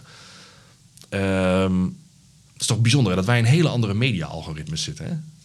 Zeker. Ja, want dit zijn allebei dingen die, wij alle, die we allebei interessant vinden. En dan zijn er dus dat jij de naam Adley nog nooit gehoord hebt, is toch wel bijzonder. Maar, ehm, Zeker. Als je, ehm, en als je dat los kan zien van elkaar, kan je op zoek naar een oplossing. Ja. Dus als je als conservatief ophoudt met boos te worden van het feit dat dingen uit het verleden nu eenmaal niet al te best oud worden over het algemeen. En zou zeggen, nou, ik wil wel luisteren en met jou op zoek naar een manier waarop we allebei tevreden kunnen zijn over wat hier gebeurt. Kom je een heel stuk verder. In plaats van roepen, ja, maar het is er al 70 jaar. Ja. En ik denk dat dat is wat, als we het dan moeten hebben over wat voor ons het thema moest zijn van deze aflevering. Van Oh, wat ja. moet je nu als witte man met woke? Is luisteren. En niet denken bij alles van, oh god, hij valt me aan. Het grootste Nou. gedeelte van woke is namelijk mensen van een andere huidskleur of een andere, ander geloof die tegen jou zeggen, hé luister, ik ben ook een Nederlander. Ja. En ik vind dit vervelend. Zou je hier iets aan willen doen. En ik ben het met je eens dat heel veel mensen niet in staat zijn tot de nuance die jij... Nee, en dat, dat, dat is het probleem. Want Ja. ik, ik, ik bedoel, in deze podcast heb ik de nodige mensen gesproken. Van lesbisch en transgenders en moslims. En, en, Ja. en noem ze allemaal maar op. Vrouwen zelfs. Och, man. man. En eh, eh, eh, dus ik, ik, ik, luister met liefde. Ik heb Ja. zelfs met Leroy Lucas gezeten, een, een, organisator van een Black Lives Matter protest in Utrecht. Ja. Ehm. Maar ja, ik ben het gewoon oneens met die mensen. En woke, Ja. quote unquote, heeft daar gewoon een probleem mee. Je moet het namelijk met ze eens zijn. Ik denk dat- mag niet. Ik denk dat dat aan beide kanten natuurlijk geldt. Hè? Als je, stel, we Ja, ik heb het over als- mij. Ik, ik- Ja, ja, ja. Er, zijn, er, is, er is een term die ook binnen de VVD prima rondgaat, wat we dan maar dom rechts noemen. Ja, Eh, en die mensen noemen zichzelf wel hartstikke rechts. en vinden zichzelf natuurlijk heel intelligent. Maar we hebben gewoon een groep mensen waarvan we zeggen... Ja, maar dat is gewoon, dat is gewoon dom rechts. ja. Maar waar Men- begint dat voor jou? Men- mensen die expres eh, zich eh, als Zwarte Piet gaan schminken. Ja. Want eh, hè, om mensen in de zeik te nemen, bij wijze van... Dan denk Owning ja, the libs. dan, ben, dan, ben je, dan ben je gewoon een eikel. Maar ik ben de eerste om kritiek te hebben op een Black Lives Matter protest bijvoorbeeld. Volop. Eh, ik, ik walg van waarvoor ze staan. Waar staan ze voor dan, wat jou betreft? Ehm, ik, ik heb er overigens geen probleem mee dat zij eh, racisme aankaart. Want Maar daar vind- staan ik- ze voor, hè? Black Lives Matter eh, is een anticapitalistische beweging die erop uit is om het nucleaire gezin te ontmantelen. Dat betekent dat kinderen niet meer het eigendom zijn van de ouders, maar van de staat. Daar heb ik een gruwelijke hekel aan. Ik vind het een zeer slecht idee en daar ben ik tegen. Maar waar komt dat idee dat het marxistisch is vandaan? Dat staat op hun website. Ah, Oké. Correctie, dat stond op hun website. Ja. ik heb destijds screenshots gemaakt, want ik dacht als er gezeur komt, gaan ze het er vanaf halen. Ja. Prompt een week later was het er vanaf, dus ik heb het expres bewaard. Eh, zij zijn een anticapitalistische beweging die het westerse systeem omver willen werpen. En degene waar ik het meest over viel was de ontmanteling, strijden voor de ontmanteling van het nucleaire gezin. En nucleaire gezin is dus een papa en een mama die voor hun kind zorgen. Ja. Nou, dan weet ik genoeg, dan wil ik niks met je te maken hebben. Nee, dan vind ik een gevaarlijke beweging. Dus, eh, dus ben ik tegen Black Lives Matter. Ja, ik hoorde dat eh, Alex ten Katen, heette die volgens mij. Ja, dat zou kunnen. Die zat bij jou in, je, in de podcast Ja. over het eh, gevaar van woke. Ook zeggen. ehm, die die ehm, Black Lives Matter in, de, in den beginnen, de, de naam zit het al, zijn voornamelijk bezig om antiracistische ideeën uit te dragen. Daar gaan, Ja. ook, daar gaan ook alle protesten over. De meeste mensen die daarbij zijn, gaan daarover. Ik hoorde jullie dat cultureel marxisme noemen. Ik, eh, ik, denk, mij ik, denk dat, hij- ik denk dat hij dat deed. Volgens mij noemde, ja, weet je, Ik weet te weinig van die term om die term Ja, zelf te het- gebruiken. Maar ja, ik, eerlijk gezegd ook hoor. ik, maar ik snap het, maar ik snap hem. Ik, eh, eh, het- wij als witte mensen zijn heel erg geneigd om te zien dat zodra wij zouden zeggen van nou, oké, we nemen jouw wereldbeeld, dus die, het zwarte wereldbeeld mee in wat wij nu hebben Een opgebouwd. zwart wereldbeeld? Nou, als je zegt van nou, wat, wat als je dan nu als ik even een BLM meneer zou moeten beschrijven en, zeggen van de manier waarop een, zwart, een zwarte man tegen onze wereld aankijkt, de wereld Je gaat er nu vanuit dat de Black Lives Matter iemand zwart zelf is. Nou, zelf zwart is. Ik denk dat er, de- als je daar kijkt in de bestuurskamer, of ja, weet je, het heeft geen bestuurskamer, maar bij de nou, het heeft wel twee oprichters, zijn Ja, twee zwarte vrouwen. maar Exact, goed, ja. die zullen zwart zijn. Dus Ja, ik ga er dan die, vanuit. die zijn allebei zwart. Ik ga ervan uit dat die ideologie gebaseerd is op de zwarte ervaring, zeg maar. Wat is de zwarte ervaring? Die leven in een ander land dan jij en ik. Ja, ik, ik vind ik niet. Ja, dat is dus wel zo. En, eh, en, en Maar hebben ze een andere cultuur of een andere identiteit? Of hoe zie je ze dat hebben een dan? andere kleur. En dus worden ze anders behandeld. Zeg maar, als ik over straat loop en ik loop een willekeurige witte man tegemoet, zie ik geen angst ontstaan.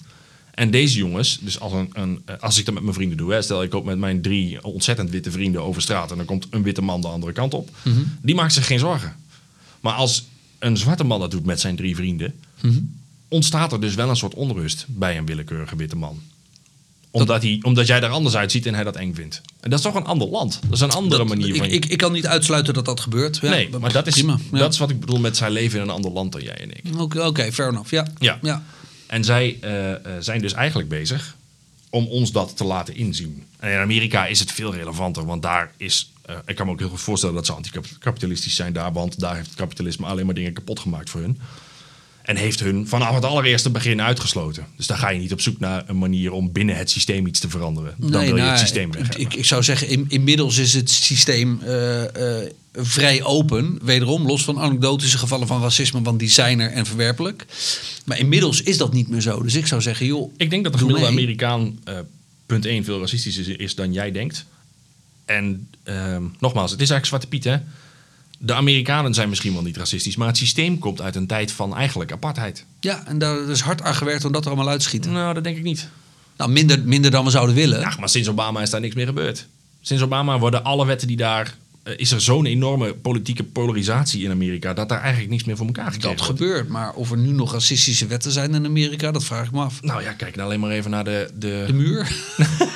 Nou ja, dat is één. Ja, wiens Eh, idee was dat? Dat was de Donald Trump's idee. Nee, eh, eh, daar is ehm, eh, Obama mee begonnen. Nou, nee toch. Obama- Hij gaat daar staan en roept build that wall. Ja, Hij omdat- heeft er een politiek programma van Ja, gemaakt. omdat hij namelijk vond dat Obama dat niet goed gedaan heeft. Dus Trump wilde die muur sterken. De, de muur tussen Amerika en Mexico is een idee van Obama. Om de Nou. Mexicanen buiten de deur te houden. Dit zou hey, graag- ik ga iets opzoeken, graag- jij gaat iets Ik ga- opzoeken. Ik goed, ik zal het factchecken. Prima, heel goed.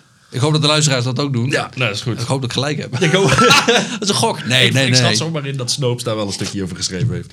Allicht. Ehm, nee, maar het is gewoon... het- het- kijk even naar de hoeveelheid zwarte mensen die daar in de gevangenis zitten. Ja, Dan heb je het over 80 tot 90 procent. zeker. En je kunt niet zeggen dat dat toeval is. Of dat dat eh, cultureel is. Het is gewoon... Ook cultureel wel. Ja. Ik zie in Jij heel ziet veel... een zwarte man als in- cultureel meer geneigd naar misdaad? Nee, niet als zwarte man. Ik zie in achterstandswijken ehm, een bepaalde, ik noem het maar even gangstercultuur ontstaan, om, by, by of a better word, ehm, waar zowel zwarte als witte, blanke, whatever, jongens en meisjes aan meedoen. Eh, en dat is een cultuur die niet werkt, die er onder andere voor zorgt dat je sneller in de bak belandt. En daar wonen bovengemiddeld veel eh, zwarte jonge mannen. Ja. Er zijn gebieden in Amerika waar dat niet zo is, waar, waar, de, ehm, eh, waar vooral heel veel blanken in de gevangenis zitten. Dat komt doordat er namelijk arme blanke gebieden zijn. En omdat er minder zwarte mensen wonen. Appalachia of zo is, is zo'n heel typisch gebied dat vaak wordt aangehaald. Waar heel veel blanke gezinnen in trailerparks wonen. Allemaal aan de druk zitten, Ja, allemaal ja, in de bak zitten. Dus het, dus het gebeurt overal. Op dit moment maakt ook Psychodie natuurlijk dat hele land kapot. Ja. Kijk, en, en, en nogmaals, ik, ik denk dat er, eh, zoals we dat hier in Nederland ook hebben gehad, met maar zeggen, de eerste, tweede, derde generatie, met name Marokkaanse, maar ook Turkse en whatever, maar laten we de Marokkaan als voorbeeld nemen. eh, dat daar zeker nog dingen op te lossen zijn. Ja. Maar die dingen lossen we op door eh, ons met z'n allen uit te spreken tegen racisme. Ja. Een zo vrij mogelijk systeem eh, in te stellen. En niet te doen, zoals ze bijvoorbeeld in Amsterdam een tijd geleden hebben gedaan, dat je gratis bijles kan krijgen als je van Marokkaanse komaf bent. Waarom En dat je moet betalen op het moment dat je blank bent. Ja, dat zou inkomensgerelateerd moeten zijn, bedoel je? Dat lijkt me al een veel betere oplossing. Ja. Kijk, dan heb je het een beetje over nivellering. Is dat dan socialisme? Geen idee. Maar ik vind dat een prima idee. Want kinderen moeten een eerlijke kans krijgen in het onderwijssysteem. Volop. Ja. En als blijkt dat Marokkaanse kinderen, of Marokkaans-Nederlandse kinderen, daar veel meer gebruik van maken door taalachterstand vanuit huis. Ja. En daardoor zal blijken dat er veel meer Marokkaans-Nederlandse kindjes uiteindelijk zijn. Helemaal prima. Maar bij de deur al zeggen: ja, hey, eh, de kinderen van ehm, ehm, Abu Taleb die krijgen gratis eh, bijles, want dat zijn er eenmaal Marokkanen. Ja. En eh, eh, hey, jij eh één bijstandsmoeder, blank gezin, jij moet betalen, want jij bent blank, want het is jouw schuld. Ja. Ja, nee, nee. Mensen op basis van een huidskleur iets aanwrijven als schuld, identiteit, cultuur, dat soort dingen, niet doen. Jij vindt Nee. ook niet dat wij als Nederland ons excuus moeten aanbieden voor wat we in Indonesië hebben gedaan, bijvoorbeeld? Indonesië weet ik niet zo goed. Ik weet er heel weinig van. Slavernij dan? Oh, dat vind ik een veel beter voorbeeld. Nee, Nee? nee. Daar, kan ik- daar kan ik dus met mijn hoofd niet bij. Want je hebt, je hebt, eh, we hebben als eh, witte Europeanen eh, een heel continent vernield. Als Europeanen. Ja, ja, ja. Maar daar waren wij bij. Ja, maar je zegt witte Euro- Europeanen. Ik zou zeggen als Europeanen. Nou ja, oké, laten, we, laten we dan even... Dat, dat een Portugees misschien niet wit is. Maar de Europeanen... eh, wij, de Europeanen, hebben heel een, continent, een heel continent vernield. Hebben een groep van die, van die mensen gewoon naar een ander continent verscheept. Ja. Voor geld. Ja, Ze aan kettingen gelegd en ze gebruikt. ja. Als goedkope arbeidskrachten. Vreselijk, Ja. ja. Maar dan mag je niet zeggen van... Oké, dat hadden we misschien niet moeten doen. Oh, dat hadden we niet moeten doen. Het is vreselijk wat er is gebeurd. Ja, maar dan kunnen we toch zeggen dat dat zo is. Ja, dat, hebben we ook, dat eh, is ook gebeurd. En dat mogen we, wat mij betreft, mogen we dat ieder jaar weer doen. Ja, precies. Ja. Maar waar, waarom zeg je dan in eerste instantie nee? Nou, excuses. Ja. Dat is toch hetzelfde als zeggen dat je het niet moet doen? Zoals, Nee, dat is toch een heel nee, nee, nee, logisch gevolg? Nee, vind ik echt iets anders. Ik vind dat een heel logisch gevolg van zeggen... hey, had ik misschien niet moeten doen. Sorry. Nee, excuses. Als nu eh, bijvoorbeeld een Mark Rutte zijn excuses zou aanbieden, dan impliceert dat dat hij een bepaalde vorm van schuld heeft. En die heeft hij niet. Nee, maar Nederland in de historie toch wel. Hij doet het niet namens, namens Mark Rutte. Hij doet het namens de Nederlandse staat en wat wij hebben aangericht in het Ja, maar er is nu niemand meer die daar iets aan kan doen, Ja, wonen- heeft kunnen doen. Wij wonen hier ten faveur van de uitbuiting van Afrikaanse koloniën. Hè? Ja, daar hebben we een hoop aan gehad. Ja. Afrika overigens zelf ook. Mwah. Als Ja. je daar nu naar kijkt, is dat toch wel eh, beetje... Nou, die hebben al die slaven verkocht. Ja, dat, is allemaal, dat vind ik wel heel makkelijk. Hebben daar goed geld aan Ja, verdiend. maar kijk even hoe het er nu naar uitziet. Ze hebben door, eh, door ons willekeurig aangesneden landsgrenzen... eh, waar eigenlijk niemand het mee eens is, omdat het dwars door die tribale gebieden Ja, heen ja, En is daar hebben-. Wij hebben daar burgeroorlogen gecreëerd. We hebben daar jarenlang nog met de fakkel, met de scepter gezwaaid. Ja. Nou ja, wij, eh, onze voorouders, zeg Ja, maar. ik Maar noem dan even de westerse ja. cultuur waar we Ja. allemaal zo trots op zijn. Ehm, hebben natuurlijk, we hebben verschrikkelijke dingen gedaan in onze geschiedenis. En nu, Oh, oh, en nu volop. En nu trekken wij onze handen ervan af. En zeggen we dan nu, ja nee, maar die problemen die jullie hebben, dat zijn allemaal jullie problemen. Dat is cultuur. Ik, ik vind het prima als we daar op een bepaalde manier een bijdrage aan leveren. Ik vind alleen het excuses aanbieden, wat schuld impliceert. Hm, het is ook schuld. Ik kan me niet voorstellen hoe je niet ziet dat wij daar schuld aan hebben. We, hebben, we zijn toch gewoon als Nederlanders hartstikke schuldig voor wat Jij en ik hebben er toch echt helemaal niks mee te maken. Jij en ik leven van de welvaart die we toen hebben gestolen. Dat, dat is het enige argument dat je inderdaad Ja. zou kunnen maken. Hier in Europa hebben we ehm, eh, een, een deel van onze welvaart is opgebouwd door de slavernij. Laten we zeggen, een groot gedeelte daarvan. Onder andere daar. Er is natuurlijk ook slavernij geweest in de veengebieden. Daar heeft Alex ook nog wel het een en ander over gezegd. Eh, wij werden ook verkocht als slaven. Ging- waar gingen wij ook weer heen met name? Was het Arabische eh, hoek, geloof ik. Maar ik kan me niet voorstellen. Slavernij dat is natuurlijk gewoon een gegeven waarin de hele wereld gebruik van is gemaakt. Je komt het ook in de Bijbel al tegen. In de Bijbel staat daar is Tuurlijk. ook gewoon slaven. Ja. De slavernij is ehm, eh, eh, iets verschrikkelijks. En daar willen we met z'n allen heel hard van afstappen. Ja. En we hebben het type slavernij wat we kennen uit inderdaad met name de zuidelijkere staten van Amerika. Eh, kennen we niet meer. We kennen natuurlijk nog zat voorbeelden van moderne slavernij. Daar kun laten we het daar niet helemaal over hebben. Maar we kennen allemaal de sweatshops in India en de sekswerkers hier op de wallen. Amerikaanse gevangenissen. Er zijn, er zijn genoeg voorbeelden nog wel te noemen van dingen dat je denkt, ja, is dat niet een vorm van slavernij? Zeker. Maar om nu schuld te bekennen ehm, over iets wat er destijds is gebeurd, nee. Nu iets doen aan de gevolgen daarvan vind ik, vind ik best wel eh, bespreekbaar. Klinkt heel zuinig. Lijkt me uitstekend. Ik zou het prima vinden als wij op een bepaalde manier geld investeren in Afrikaanse landen om bijvoorbeeld daar iets aan weet ik, infrastructuur te doen of Ja. onderwijs of weet ik wat allemaal. Met een beetje het risico dat je zo'n white savior complex, want dat schijnt dan ook weer te bestaan. ja, ja, ja. Eh, daar moet je dan maar wegblijven. Ehm, het ga- gaat vaak ook helemaal niet goed. We hebben bepaalde eh, ja, maar daar is, inmiddels is daar... genoeg gezien over subsidies die uiteindelijk een soort averechts effect hebben. Dus dat, dat, dat, dat- Meer Af- Afrika is het wilde westen geworden omdat we ons te- lang onze handen ervan af hebben getrokken. Er, er ontstond een hele logische roep om onafhankelijkheid in de meeste Afrikaanse landen. Mhm. Dan trek je je handen ervan af in het, met het idee, oh dan komt het daar wel goed. Ja. Dat is natuurlijk onzin. Dat- Ja, nee. Dan nemen de mensen met de grootste bek en de grootste wapens nemen het over. Ja. Dus ik vind uit, uit een stuk medemenselijkheid en kijken naar de geschiedenis, denken van hé, hey, kunnen wij daar wat bijdragen? Ja. Lijkt me uitstekend. Maar weet je wat voor mij... Als, als bij de buren wordt ingebroken en het hele huis wordt leeggetrokken, vind ik het prima om te zeggen: kom lekker bij ons eten. We hebben nog wel een bank over, die zetten we daar neer. Maar waarom ben je dan... Maar zeggen: sorry dat er bij jullie is ingebroken. Ik heb er niks mee te maken. Die dat dan- vind ik een groot verschil. Laat ik die dan, als je zegt van het is oké als mijn buren het huis is leeggetrokken. En ik vind het oké als ze dan bij mij komen eten. Waarom heb je dan geen probleem met wat Wilders allemaal verkondigt? Die anti-immigratieretoriek. Dat is hetzelfde principe. Bij onze buren, en dan hebben we het in dit geval over de Eritreërs en over de Somaliërs en over eh, de Syriërs of wat dan ook, is hun hele huis leeggetrokken. Ja. Met bommen en met eh, onze VOC. Die gaan nu op zoek naar de rijkdom die zij daar eigenlijk hadden moeten hebben. Komen hierheen, alleen je stuurt ze weg. Nee, want inmiddels hadden ze ook op heel veel van dat soort plekken ook die rijkdom kunnen ontwikkelen. En dat is niet gebeurd. Nou, ik vind dat dus. Dat, en dat is dus. En ik denk dat dat voor mij is wat woke zijn betekent. Zien dat dat niet klopt. Dat Co- wij. co- corruptie maakt al die landen arm. Ja, Als- maar dat als- gaat niet over corruptie. Het gaat over het feit dat wij die situatie hebben gecreëerd. Zeg maar. En het, het historisch besef van het feit dat wij hier wonen ten faveur van gestolen diefstal. Of gestolen rijkdom. Dat is wat het Westen is. Wij, hebben, wij waren de eerste met schepen. En daar hebben we dusdanig destructief gebruik van gemaakt... dat wij nu daar nog steeds de vruchten van plukken. En dan nu tegen Afrikanen zeggen... of tegen nou, Marokkanen zijn ook eh, Afrikanen... zeggen, jongens, eh, dit is wel van ons, hè. En dat niet willen delen... ehm, dat is eigenlijk wat voor mij ja, dat historisch besef is wat ik als witte man meeneem uit woke. Is snappen dat mensen daar kwaad over kunnen zijn en mogen zijn. En dat het ook de moeite waard is om daarnaar te luisteren.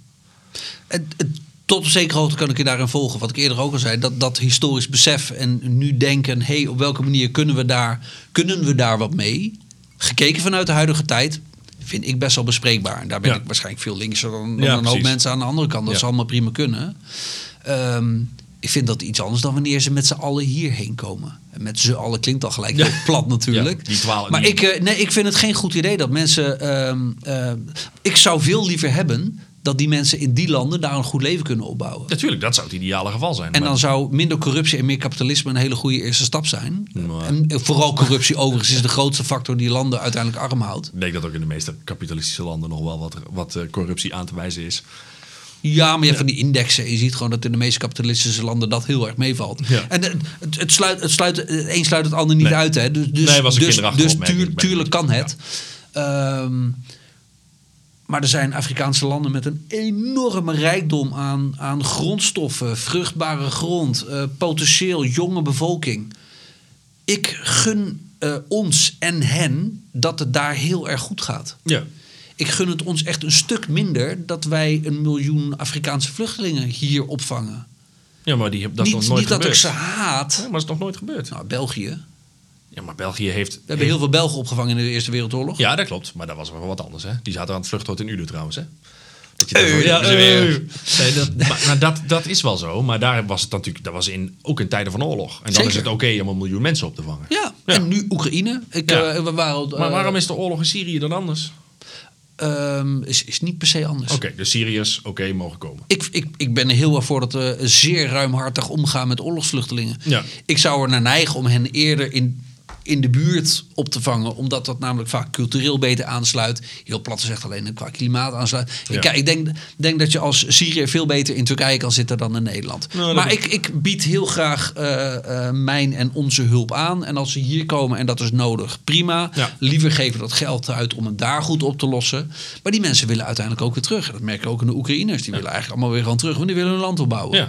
Gaaf, want dan gaan ze daar met z'n allen iets bouwen wat Syriërs die is. hier zijn ook. Ja, dus ik heb ook helemaal geen probleem met Syrische vluchtelingen. Nee, oké, maar laten we zeggen dat je dan met eigenlijk 70% van de vluchtelingen die we hier binnenkrijgen jaarlijks heb je geen probleem. Dus het zijn de 30%, dus laten we zeggen 10.000 vluchtelingen per jaar waar je wat, waar je, die je hier liever niet hebt. Ik heb niet per se een hekel aan vluchtelingen. Nee, nee, maar ik bedoel, dat zijn de mensen... PVV is ook niet overigens. Er is een keertje een, een, een onderzoek gedaan naar hoe PVV'ers aankijken tegen vluchtelingen. Ja. En PVV'ers hebben in de regel geen problemen met vluchtelingen. Nee, maar dat is dus, eh, ik vind dat zo bizar. Want dat mensen die, ehm, dat is hun eigen definitie van vluchtelingen. Zeg maar, de- Zeker, en da- da- daar wordt het interessant. en de cijfers die eh, Wilders over immigratie rondslingert in de Tweede Kamer zijn ook onzinnig. Hij roept 130.000 nieuwe immigranten alleen al dit jaar. Wat wel klopt. Maar dat zijn niet de immigranten waar hij tegen hoort te zijn. Dat Mhm. zijn jong, mensen die van terug, Nederlanders die terug immigreren, arbeidsimmigranten Ja. die eh, eh, al een baan hebben, al een huis hebben, hier naartoe komen en komen Mhm. Ja. bijdragen aan een, aan een economie die binnenkort door vergrijzing in gaat storten. ja. Ehm, en daarvan zijn 30.000 mensen per jaar ongeveer. En nu zijn het er iets meer, omdat natuurlijk nu is er nu een, tijdens COVID kwam die stroom een beetje tot stilstand. En nu is dat iets aangetrokken. Mhm. Ja. Mhm. Dus nu zitten we aan 40.000 mensen per jaar die vluchteling zijn. Waarvan volgens mij 50% Oekraïners. Mhm. 20% daarvan is ook nog weer gewoon gelegitimeerd vluchteling voor oorlogen en nare situaties. Ja. En dan heb je dus nog over een, paar, een klein groepje wat hier niet hoort te zijn. ehm, van ongeveer 10.000 mensen per jaar. Ja, ja ik, ik, ik vind de cijfers wat dat betreft vind ik vaak ook een beetje eh, onhandig gebracht. Ja. En ze zijn veel complexer dan dat je... En het- eh, hij maakt daar gebruik van. Zeg maar, het is die retoriek die hij dus wel rondslingert in de Tweede Kamer. Ja, klopt. En, en nogmaals, da- da- daar gaat hij best wel vaak de mist in. Tegelijkertijd, per saldo, als we kijken naar de instroom van mensen vanuit het buitenland die zich vesten in Nederland. Het saldo over de afgelopen tien jaar is 650.000 personen. Dat is een stad zo groot als Rotterdam, wat er in tien Ja, maar jaar er bij gaan ook komt. 100.000 mensen per jaar weg. Nee, dit is het saldo. Dit, dit is per saldo. Er komen er veel meer binnen, maar er gaan er ook uit. Ja. Het saldo over de afgelopen tien jaar is 650.000 mensen. Ja, maar dat, zijn is geloof- migranten. Immigranten. Ja, dus dat zijn, niet, dat zijn geen asielzoekers. Zijn mensen met een baan, over het, voor het grootste gedeelte. Nou, nee, nee, nee. Een heel groot gedeelte daarvan valt onder asielzoekers. Een, de- een deel is inderdaad, die komen uit Londen of die komen uit, uit, Ja. uit Scandinavië of zo. Weet Ja, je wel, prima. Ehm, En ik, ik, dus nogmaals, ik ben helemaal geen, geen nee, fan van Wilders. Maar ik vind ook wel dat we in, in een tijd dat we bijvoorbeeld zoals nu best wel weinig huizen hebben. Ja. Dat we wel goed moeten nadenken, wat gaan we met die mensen doen? Ja, maar, dat, denk is, ik, maar en- dat en- is een probleem van nu op een historisch probleem plakken. Zeg maar, als je zegt van oké, wa- wat kan ik nu dan tegen eh, vluchtelingen inbrengen? Wederom, dit zie ik ook als woke. Ehm, wij zien nu een probleem ontstaan waar we de vluchtelingen de schuld van kunnen geven. En dan springt heel, wat jij, wat jij en ik allebei gelukkig domme rechts noemen, Mhm. springt op de kans om te zeggen: zie je wel, die vluchtelingen, daar hebben we helemaal geen plek voor hier. We hebben een huizencrisis en dan moeten we, Ja. dan moeten we zorgen dat de Nederland. Ben ik het mee eens? Ik vind ook dat Nederlanders gewoon een huis zouden moeten kunnen krijgen, Ja. zeg maar, die hier geboren zijn. En dan is mijn definitie van Nederlander waarschijnlijk iets breder dan die van de PVV en de FVD. dat zou prima kunnen. Ja, maar eh, ben ik het helemaal mee eens. Maar wederom wordt er niet gekeken naar de waarom-vraag. Nee. Waarom hebben we hier zo weinig huizen? Dat is tien jaar, of twaalf jaar neoliberaal beleid wat Nederland gewoon kapot heeft gemaakt. Oh ja, ik vind ook wel iets van huizen. Maar ja. Ja. Ja, zeker. En dan nu springt er een hele groep mensen weer op de kans om immi- immigranten de schuld te geven van de onrust die ontstaat. Ja. En dat is eh, heel naïef en Ja. vervelend. Overigens roepen dat er dan vrij... Je, noemt het neoliberaal. Dat vind ik altijd een beetje een rare term. Want volgens mij bestaat dat helemaal niet. Nou ja, wat wat ik wel weet, noemen. dat in een... eh, En zelfs de correspondent... Ja. Notabene een redelijk... eh, Dat is een beetje het, eh, het, het kerkblaadje van GroenLinks natuurlijk zo'n beetje. Ja. Die hadden een tijd geleden een podcastaflevering... eh, waarin ze inderdaad ook zeiden... Je kan dit niet aan de vrije markt wijten dat we een huizentekort hebben. want die hebben want het met de, huidige, met de huidige eh, prijzen zou iedereen huizen gaan bouwen. Ja. Maar het probleem is, is dat de overheid er weer voor gaat liggen. De overheid kan in de regel namelijk bijna niks goed doen. Nee. Ook niet onze huizenmarkt fatsoenlijk eh, eh, managen. Ik zou zeggen, gooi de boel lekker open. Want dan heb je binnen no time een heleboel huizen erbij. Ja. Ja, dat gebeurt dus niet. Nee, helemaal Maar eens. Maar het is dus inderdaad. En dan kan ik niet anders doen. Dan, ik heb hier laatst een discussie met mijn moeder over gehad. Dat geeft toch niks? Wat geeft niks. Dan mijn moeder. Nee.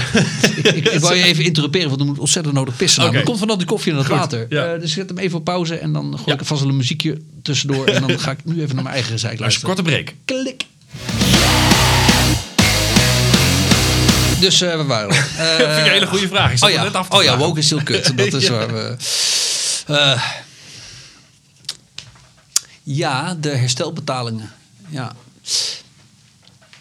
Nou ja, daarop terugkomend. eh, mijn eh, grootste probleem met wat we dan maar woke noemen... is Ja. niet zozeer de mensen die zeggen... joh, eh, in het verleden hebben we rijkdommen, resources, whatever... Nee.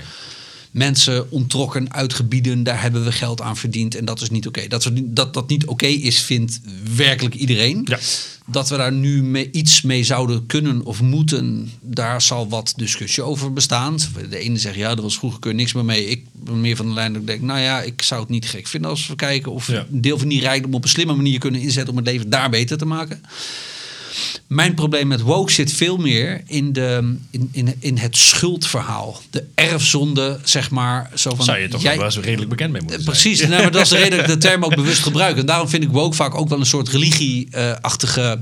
eh, dat kan bijna een soort religie-achtige status krijgen, haast wel. Als je kijkt naar alle eh, rituelen en dingen die je moet geloven... Ja. en de, de, de, de, de, de puurheidscultuur. Nu eh, op basis van huidskleur ehm, mensen... eh, nee, maar dat- la- la- la- laat, ik het, laat ik het heel simpel houden. Er zijn mensen, en ik weet niet of jij ook op die lijn zit... die vindt dat als er herstelbetalingen moeten komen... dat dat moet komen vanuit de blanke Nederlanders... naar bijvoorbeeld de Surinaamse gemeenschap in Nederland. Ja. Er zouden Surinamers, wij spreken nu in de Bijlmer, even lekker stereotyp... Ja. eh, wonen, die zouden geld moeten krijgen van de Nederlandse overheid door wat hen of hun voorouders, hoe je het ook maar wil framen, ja, is, aangedaan. is aangedaan. Wat vind jij daarvan? Ja, vind ik heel moeilijk. Dat, dat, dat, dat is voor mij, de, daar zit voor mij een beetje de crux. Ja, die snap ik. Maar ik denk ook niet dat de me Ja, misschien zullen er heel veel mensen op links zijn die het hiermee eens zijn. Ja.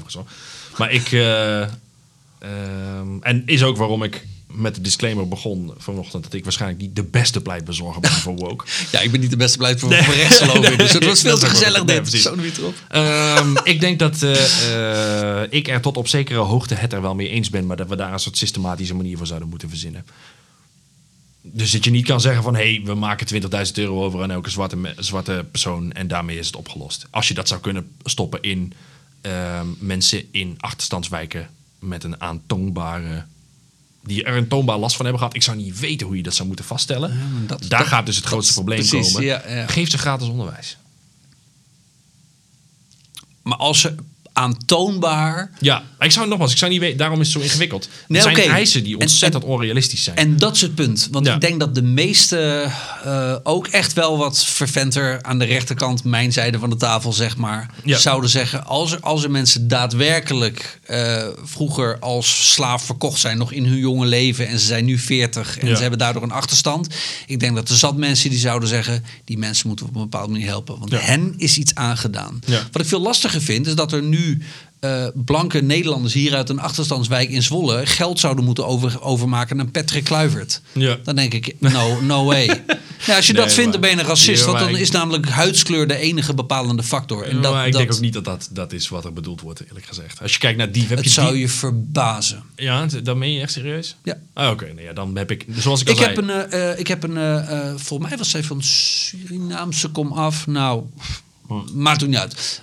D- Dus, dus, dus een semi-fictief voorbeeld, want ik weet niet of de details helemaal kloppen. CEO van een eh, grote organisatie zien eh, spreken en die vond herstelbetalingen wel heel erg belangrijk. Zij is zelf geadopteerd, is opgegroeid in Nederland, heeft alle rijkdom meegemaakt, heeft een opleiding gehad, is nu CEO van een grote organisatie, verdient bakken met geld, heeft een man die bakken met geld verdient. En eh, die vindt het belangrijk dat er herstel, herstelbetalingen komen van blanke Nederlanders aan Nederlanders met Surinaamse roots, om het dan maar zo te zeggen. Ja, ik ben En zij vertelde er achteraan, want ik ben nog niet helemaal Ja. klaar. Zij vertelde er achteraan dat ze uiteindelijk contact had gehad met haar biologische moeder. Die Ja. dus nog in Suriname woont en daar redelijk arm is. Ja. Ook voor haar zouden herstelbetalingen heel belangrijk zijn. Dus ik heb haar gevraagd, waarom begin jij niet met herstelbetalingen? Ja. Jij hebt van alle rijkdom genoten die we zogenaamd ouders, ja. of in het echt kut over hebben, hebben gestolen van jouw moeder. Jij hebt al dat geld. Jij hebt een dikke baan. Jij hebt succes. Alles wat we hier in het Westen goed hebben. Waarom doe jij die herstelbetalingen niet aan je moeder? Nou, zij is Er inderdaad... kwam een ontwijkend antwoord, maar ik denk dat het antwoord eigenlijk is: ik ben zwart, dus ik ben zielig. En dan denk ik, dan heb je niet goed begrepen, want dan ben je namelijk een racist. Want dan is namelijk de huidskleur de enige relevante factor hier. Daar heb ik een zeer, zeer groot probleem mee. Ai, ik snap ik heel goed. Ik denk alleen dat de meeste mensen die, die zeg maar, de professionele slachtofferrol heel graag toewijzen aan mensen die claimen woke te zijn. Of mensen die woke zijn. En ik denk dat dat verkeerd begrepen is. Ik denk dat het gaat om rechtvaardigheid en om kansengelijkheid. Ja. En, die, en wij als witte mensen hebben heel erg de neiging om te denken dat ons dingen worden afgenomen. Dat zei Alex ten Kate ook. Hij zag het als sociaal cultureel marxisme. En de- ze willen overal gelijkheid en dus moet ik inleveren. En dat is onzin. Dat is niet waar woke op... Heeft hij letterlijk gezegd. Oh, dat verbaast me. Dat Ja. vind ik niks voor Alex. Dat zei hij namelijk, wel. Ehm, dan heeft hij het misschien verkeerd gezegd. Je kent hem beter dan ik. Maar ik zat met klapperende oren naar iemand te luisteren op sommige momenten. Ja. Ehm, want marxisme betekent dat we allemaal moeten inleveren... zodat andere mensen het beter hebben. Maar volgens mij wordt daar nergens om gevraagd. Het gaat om kansengelijkheid. En als het even kan, gelijkheid van uitkomst. Waar hij het dus ook over had. Van, oké, Oeh, dat is een heel groot, dat is een hele grote stap. Ja, dat is het ook. maar kansengelijkheid is een goede plek, goede plek om te beginnen. Ja. En, en ook daar zal bijna iedereen het mee eens zijn. Ja, dat de Ben dus Shapiro's en de Jordan Petersons van deze wereld, Die zeg denken maar. dat het er al is, hè? Die zijn het er niet mee eens dat het moet gebeuren. Die denken dat het Precies. is. En die zeggen ook, wijs mij een racistische wet aan. Wijs mij een, Ja, maar daar lullen ze zich altijd onderuit. Wijs mij een racistische bakker aan en ik koop daar mijn brood niet meer. Nee, maar ik vind vooral een Ben Shapiro... eh, is, zou ik even overwegen. Zou ik even overwegen of je daar naar wil luisteren. Ja, ik, ik, ik, nou ja, Ik snap dat hij heel vermakelijk niet, is, Niet, maar- niet altijd, maar ik, ik, ik vond zijn boek overigens, The Right Side of History, dat is echt een uitstekend eh, boek. Goed geschreven, toegankelijk ook. Ah, ja, hij, is ontzettend, hij heeft ontzettend veel talent. Hij schrijft fijner dan hij praat. Dat is, een- dat is Ja, nee, ja, ik is. vind het, zijn manier van discussie voeren eh, contraproductief ook. Maar ehm, dat, is een heel, dat gaat over retoriek en over eh, eh, inderdaad logische, eh, logische drogredeneringen die hij natuurlijk aan de lopende band gebruikt. Ehm, ik denk dat, dat vechten voor de kansgelijkheid, voor als je een andere huidskleur hebt of een andere cultuur, dat is waar het in den beginnen om draait in woke. En dan gaat het dus ook nu over mensen die trans zijn. En ik heb het gezien, hè. Ik heb, gewerkt, ik heb bij Skofte gewerkt. En dat is natuurlijk ook wel een redelijk rechtsbolwerkje. Skoften.net. Oh, ja. Ja, daar heb ik, Bestaat dat nog? Ja, bestaat jeetje. Ik ken dat van vroeger. Maar Nou, dat, dat, eh, bestaat nog steeds. Maar er zijn, wij, we, zeg ik dan even, want ik was natuurlijk onderdeel van. We zijn ingehaald door Dumpert natuurlijk. Omdat die kregen een enorme geld, enorme eh, eh, financiering vanuit DPG toen ze verkocht werden aan, eh, aan die kranten. Telegraaf. Ja, precies. Ehm, maar daar kwam een meisje binnen die een jongen was vroeger, zeg maar, een, een transvrouw, Ja. om bij ons te komen werken. Ja. En dan zie je het ongemak en eh, de moeite die er ontstaat om voor haar een plek te vinden binnen zo'n organisatie. Oh.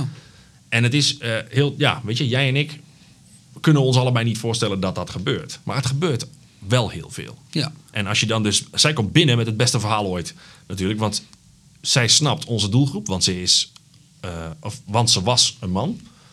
En ze kan nu heel goed vormgeven aan eh, hoe wij ons zouden moeten uiten in media om eh, ook vrouwen te betrekken in ons plan, want ze is nu een vrouw. Ja. Wat natuurlijk een briljante pitch is. Alleen is niet, vond geen gehoor bij ons allemaal eigenlijk. Weet je, ik was veel te jong om daar fatsoenlijk over na te denken destijds. Maar dat is toch een beetje raar. En iedereen wilde er eigenlijk vanaf. eh, en ik ben nu al 100% geloviger van die theorie. Dat dat niet zou moeten mogen. Dat, er, dat het die hele kleine, simpele voorbeelden van kansenongelijkheid voor zwarte mensen, voor trans mensen, een schande zijn dat we daar vanaf moeten. Ja. En dat is waar zij mee bezig zijn. En ja, er zijn heel veel schreeuwende mensen die daar heel militant mee bezig zijn. Ehm, maar ik denk ook niet dat het heel slecht is om een keer gewezen te worden op iets waar je ongelijk hebt. Nee, klopt. En, Nee, en, en ja, we, eh, en die angst die nu ontstaat, die, eh, ik heb je het boek gelezen, maar dat mag ik niet meer zeggen. Ik, ben, ik heb een enorme interesse in de alt-right en het nieuwe rechts. Ja. Eh, dus ik lees daar eh, regelmatig wat boeken over. Ehm, Eline Noord, nou, ik ben haar naam nu ook kwijt. Hij heeft een studie gedaan naar, zeg maar, het extreme rechts in Nederland. Ja. En die eh, vat dat samen als in, oh ja, dat politiek correcte, de- de- dat vind ik, maar dat zal ik wel niet meer mogen zeggen. ja. Ik denk dat iedereen die woke is, vindt dat je alles mag zeggen, maar niet verbaasd moet zijn als iemand tegen je zegt dat je je bek moet houden. Omdat het onaardig is of omdat het racistisch is. En dat is het voorname. Mensen zijn gewoon. Ik zie heel veel geschrokken reacties op een soort militant geworden. Je zal voornamelijk jonge mensen hebben. Die gewoon niet meer accepteren dat je dat soort dingen zegt.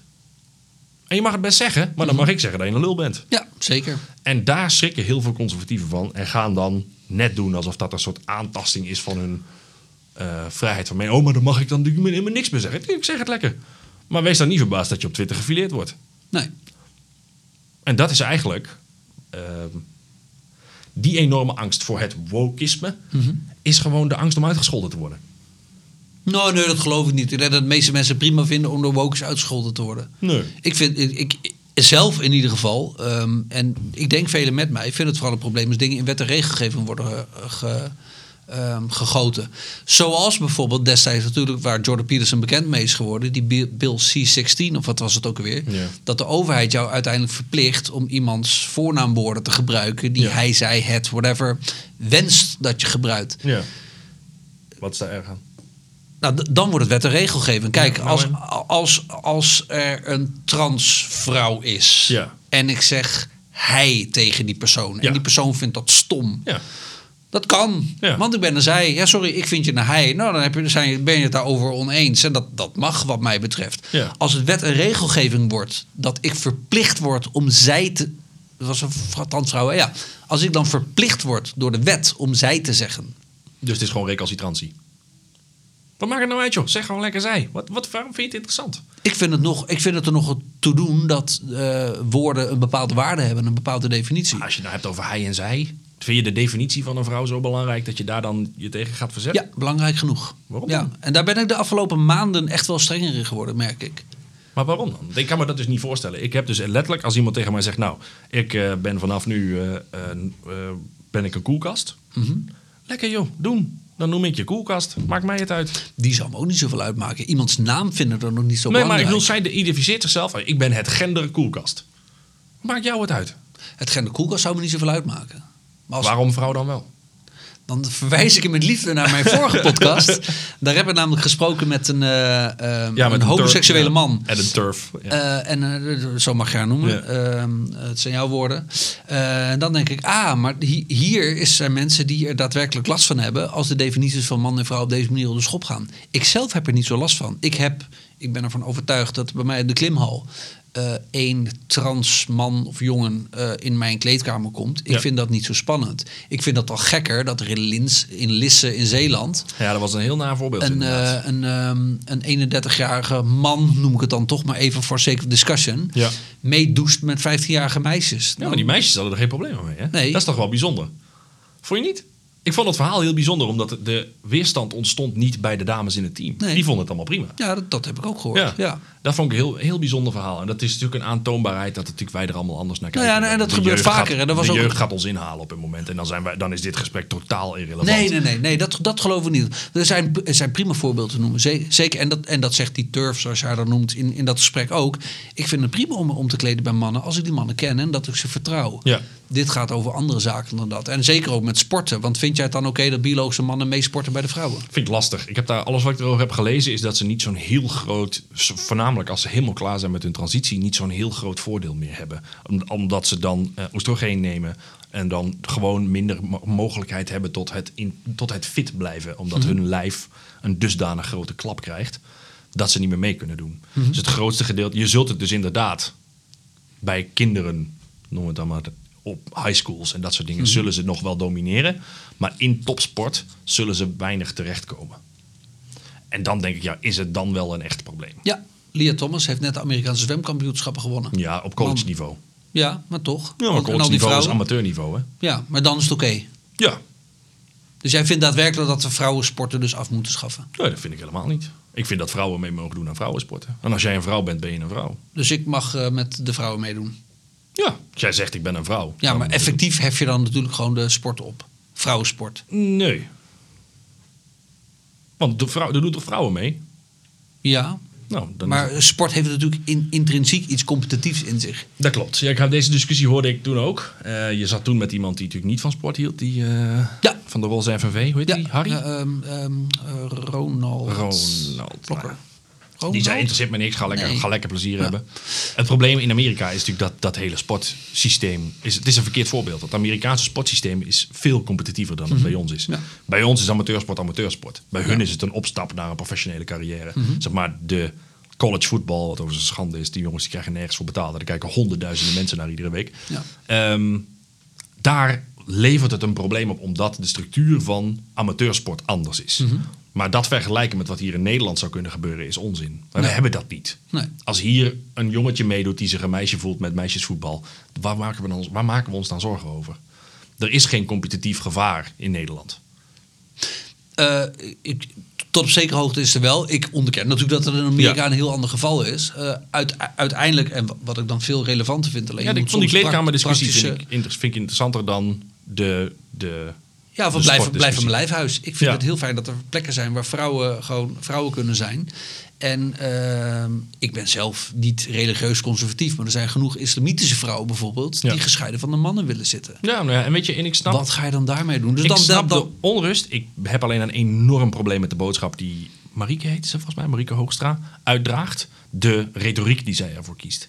Eh, want eh, hij werd weggelachen omdat die... Ik had enorm medelijden met die FNV-meneer, want die was een veel minder goede debater dan eh Marieke was. ik, ik, ik neig er ook naar om te denken dat ik hem misschien niet de beste representant vond van het standpunt. Nee, nee, zeker wil, ik wil hem niet tekort doen, maar... Nee, eh, maar hij, was, hij is gewoon gepassioneerd en ruimdenkend. Maar had niet de feiten op orde. Zeg maar, de voorbeelden die zij probeert aan te halen zijn enorme uitzonderingen op de regel. Zijn gewoon kwaadaardige mensen die misbruik hebben gemaakt van nieuwe wetten. Mhm. Weet je, ik heb een stuk van haar gelezen. Wat ze had ingediend bij de FIFA volgens mij. Wat ook eh, voor die vrouwenrechten. Mhm. eh, wat ik bleek dus dat ik luisterde naar haar en ik dacht, dat lijkt enorm veel op. Oh ja hoor, dit is iets waar ik een hele kwade Twitterdraad over heb geschreven. Dat was dezelfde mevrouw. Ja. Ehm, ik vind die verkrachtingsretoriek zo onvoorstelbaar smerig. Dat je eh, elke transman, en dat, zij doet het dus bewust, want zij erkent het bestaan van transvrouwen niet. Dus dat betekent dat je, Hoezo? Ze zegt toch dat er transvrouwen zijn? nou ja, niet, nee. Zij zegt dat er een heel klein percentage is die misschien recht zouden hebben. Zij, zij formeert haar hele ding alsof mensen alleen maar als een soort bedrog in die vrouwenkleedkamer willen komen. Dat het nooit kan gaan Nee, om... dat, dat, ze zegt expliciet dat dat niet zo is. Ja, dat zegt ze wel, maar al haar, al haar beredeneringen verder sluiten daar niet bij Ze aan. haalt voorbeelden aan, maar ze zegt dat ze trans mensen kent. En dat ze geen probleem daarmee heeft als mensen volledig in transitie zijn geweest. Dat dat geen enkel probleem. Ze komt op voor een aantal dingen die zij mis ziet gaan. Ja. Maar om net te doen alsof ehm, zeg maar, transvrouwen in die kleedkamer willen komen om vieze dingen te doen. En dat is eigenlijk de enige, het enige eh, ding wat je hebt. Is zeggen... Weet je, ik, mijn ding was, zeg gewoon dat je anti-piemels bent. Ik wil geen piemels in mijn kleedkamer. Vind ik niet leuk. Vind ik hartstikke prima. Maar, maar eh, de demonisering en criminalisering van mensen die dat willen, Mhm. vind ik walgelijk. Ja, maar ze doet dat ook bij alle mannen. Ze zegt, ik wil gewoon geen mannen. Want Ja, we maar- weten dat die statistisch gezien een grotere kans hebben. En daar vallen dus ook... maar dan trans- is het dus, als dat je beredenering is, vind ik hem foutief. Er is namelijk nog geen enkel voorbeeld geweest van een man die, beticht, die daadwerkelijk veroordeeld is van die vieze dingen in een kleedkamer in, in plekken waar deze wet al is ingevoerd. Dan Ik heb daar een, een Vice-artikel over gelezen. Die hebben een deep dive gedaan in al dat soort dingen. Ja, er zijn mannen geweest die in vrouwen badkamers vieze dingen hebben gedaan. Maar die zijn niet voor de wet een vrouw. Ik vind het ook ontzettend naïef om te denken dat, dat er überhaupt iemand is die vieze dingen in een, badka- in, een, in een vrouwenkleedkamer wil doen. Eerst zijn hele geslacht gaat aanpassen om dat te mogen doen. Die doet dat gewoon. Die kan nu ook gewoon binnenwandelen. Klopt. En straks, straks kun je die persoon niet meer weigeren. Want dan staat er een veetje in het paspoort. Ja, maar, ja, maar die personen zijn er al amper. Ja, gelukkig. Net als dat ze zegt, er zijn de gescheiden mannen- en vrouwenkleedkamers. Gewoon omdat, omdat de kans op verkrachting of, of eh, weet je, gluurders, whatever, groter is. Zij Ja. zegt ook niet alle mannen zijn viespeuken.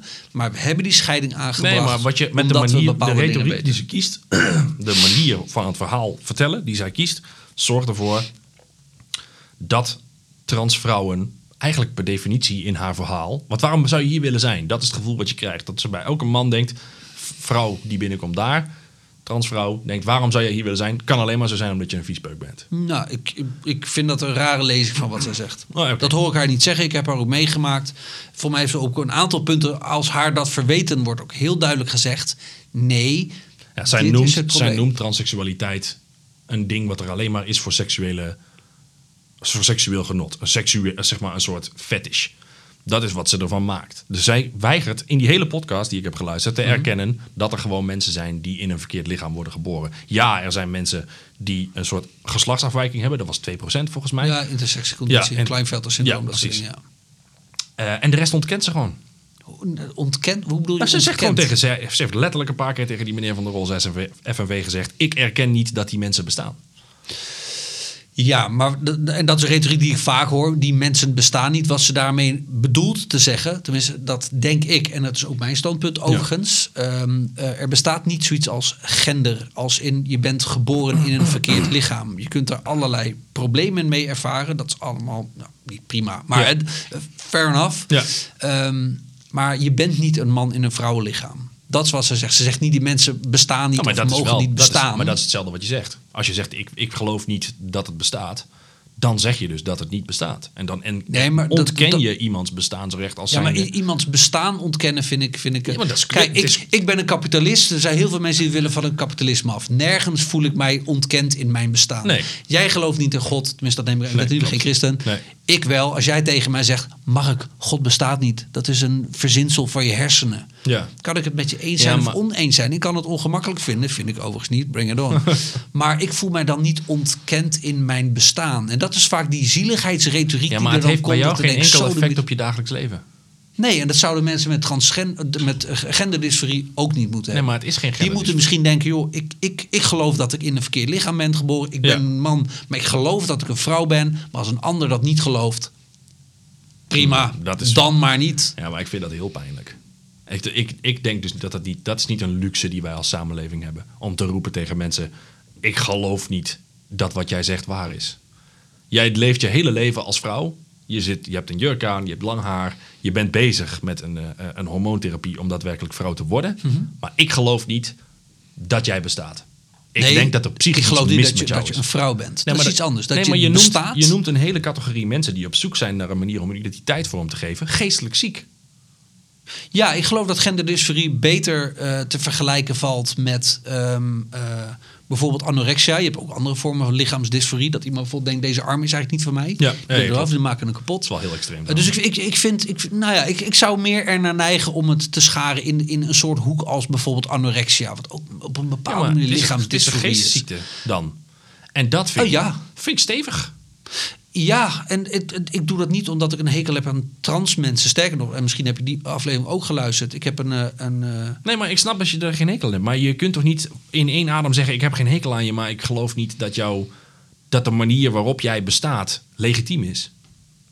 Ik weet niet of dat een bewoording is die ik zou Nee, maar, noemen, maar, dat maar is- ik, maar hoe verwacht je dan van mij dat ik het plaats ga? Of, of als, stel, ik ben een vrouw, ehm, ik was een man en ik zit dit met jou te bespreken. Ja. En jij zegt tegen mij, ja, weet je, ik, eh, ik heb geen hekel aan je verder, lekker doen. Maar je hebt eigenlijk, besta je niet. Zeg maar, wat jij hebt is een geestesziekte. Je bent niet echt eh, op zoek naar jezelf. iemand, ik geloof best dat iemand op zoek is naar zichzelf. Ik geloof dat iemand daar heel erg mee kan worstelen. Ik heb één ehm, eh, transvrouw als vriendin, goede Ja. bekende, heb ik goed contact mee. Ik noem haar ook zij. Ja. Vind ik zoeken van waar trek ik die grens. Maar er komt een punt dat, dat ik tot de overtuiging kom. eh, Deze perso- persoon gaat op zo'n manier met genderdysforie om. En in uitingen naar buiten dat ik er dus voor kies om zij en haar te zeggen. Ik vind Ja. het ergens lastig, maar ik vind het ook in het sociale contact, weet je, waardeer ik ook. Dus, Ja. dus dan kies ik daarvoor. Maar vraag mij op de man af, no pun intended, eh, of die persoon een man of vrouw is. Dan vind ik het een man met genderdysforie. ja. En die gun ik het beste van de wereld. En iedereen moet daar op zijn, haar, Maar het, voel je de klein- manier mee omgaan zoals die ja, maar wil. voel je de, de, de denigratie die je dan uitspreekt over iemand? Ik vond het moeilijk. Ik vind het, ik vind het woord even moeilijk. Je spre- je, het is net, dat is dus waar deze mensen zich tegen zeggen van... hey, weet je, doe lekker je ding. ehm, maar hè, doe het in de marge. Want voor mij kan ik, ik kan jou niet helemaal serieus nemen in je jurk. Als, Dat is wat mensen voelen. als ik anorexia even plat sla tot het idee ik ben te dik. Want anorexia is veel Ja. complexer dan Ja. dat. Als mijn dochtertje anorexia ontwikkelt. Ja. En met eh, 28 kilo ligt te rillen op bed omdat ze bijna doodgaat van ondervoeding. Ja. En ze zegt tegen mij, papa, ik ben te dik. Dan ga ik zeggen, nee. Je bent ziekelijk dun, je gaat bijna dood. Ja. Jij kan denken dat je te dik bent, of je kan je lichaam lelijk vinden, Ja. whatever, maar het is niet zo.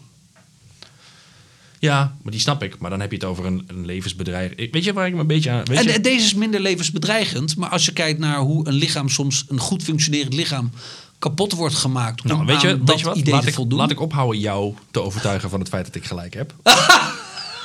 Ehm, mag, je, mag je met hem niet meer? laat ik je dan uitleggen ehm, waarom jou... Wat, wat, ik je, wat ik probeer uit te leggen is waarom het zoveel pijn doet.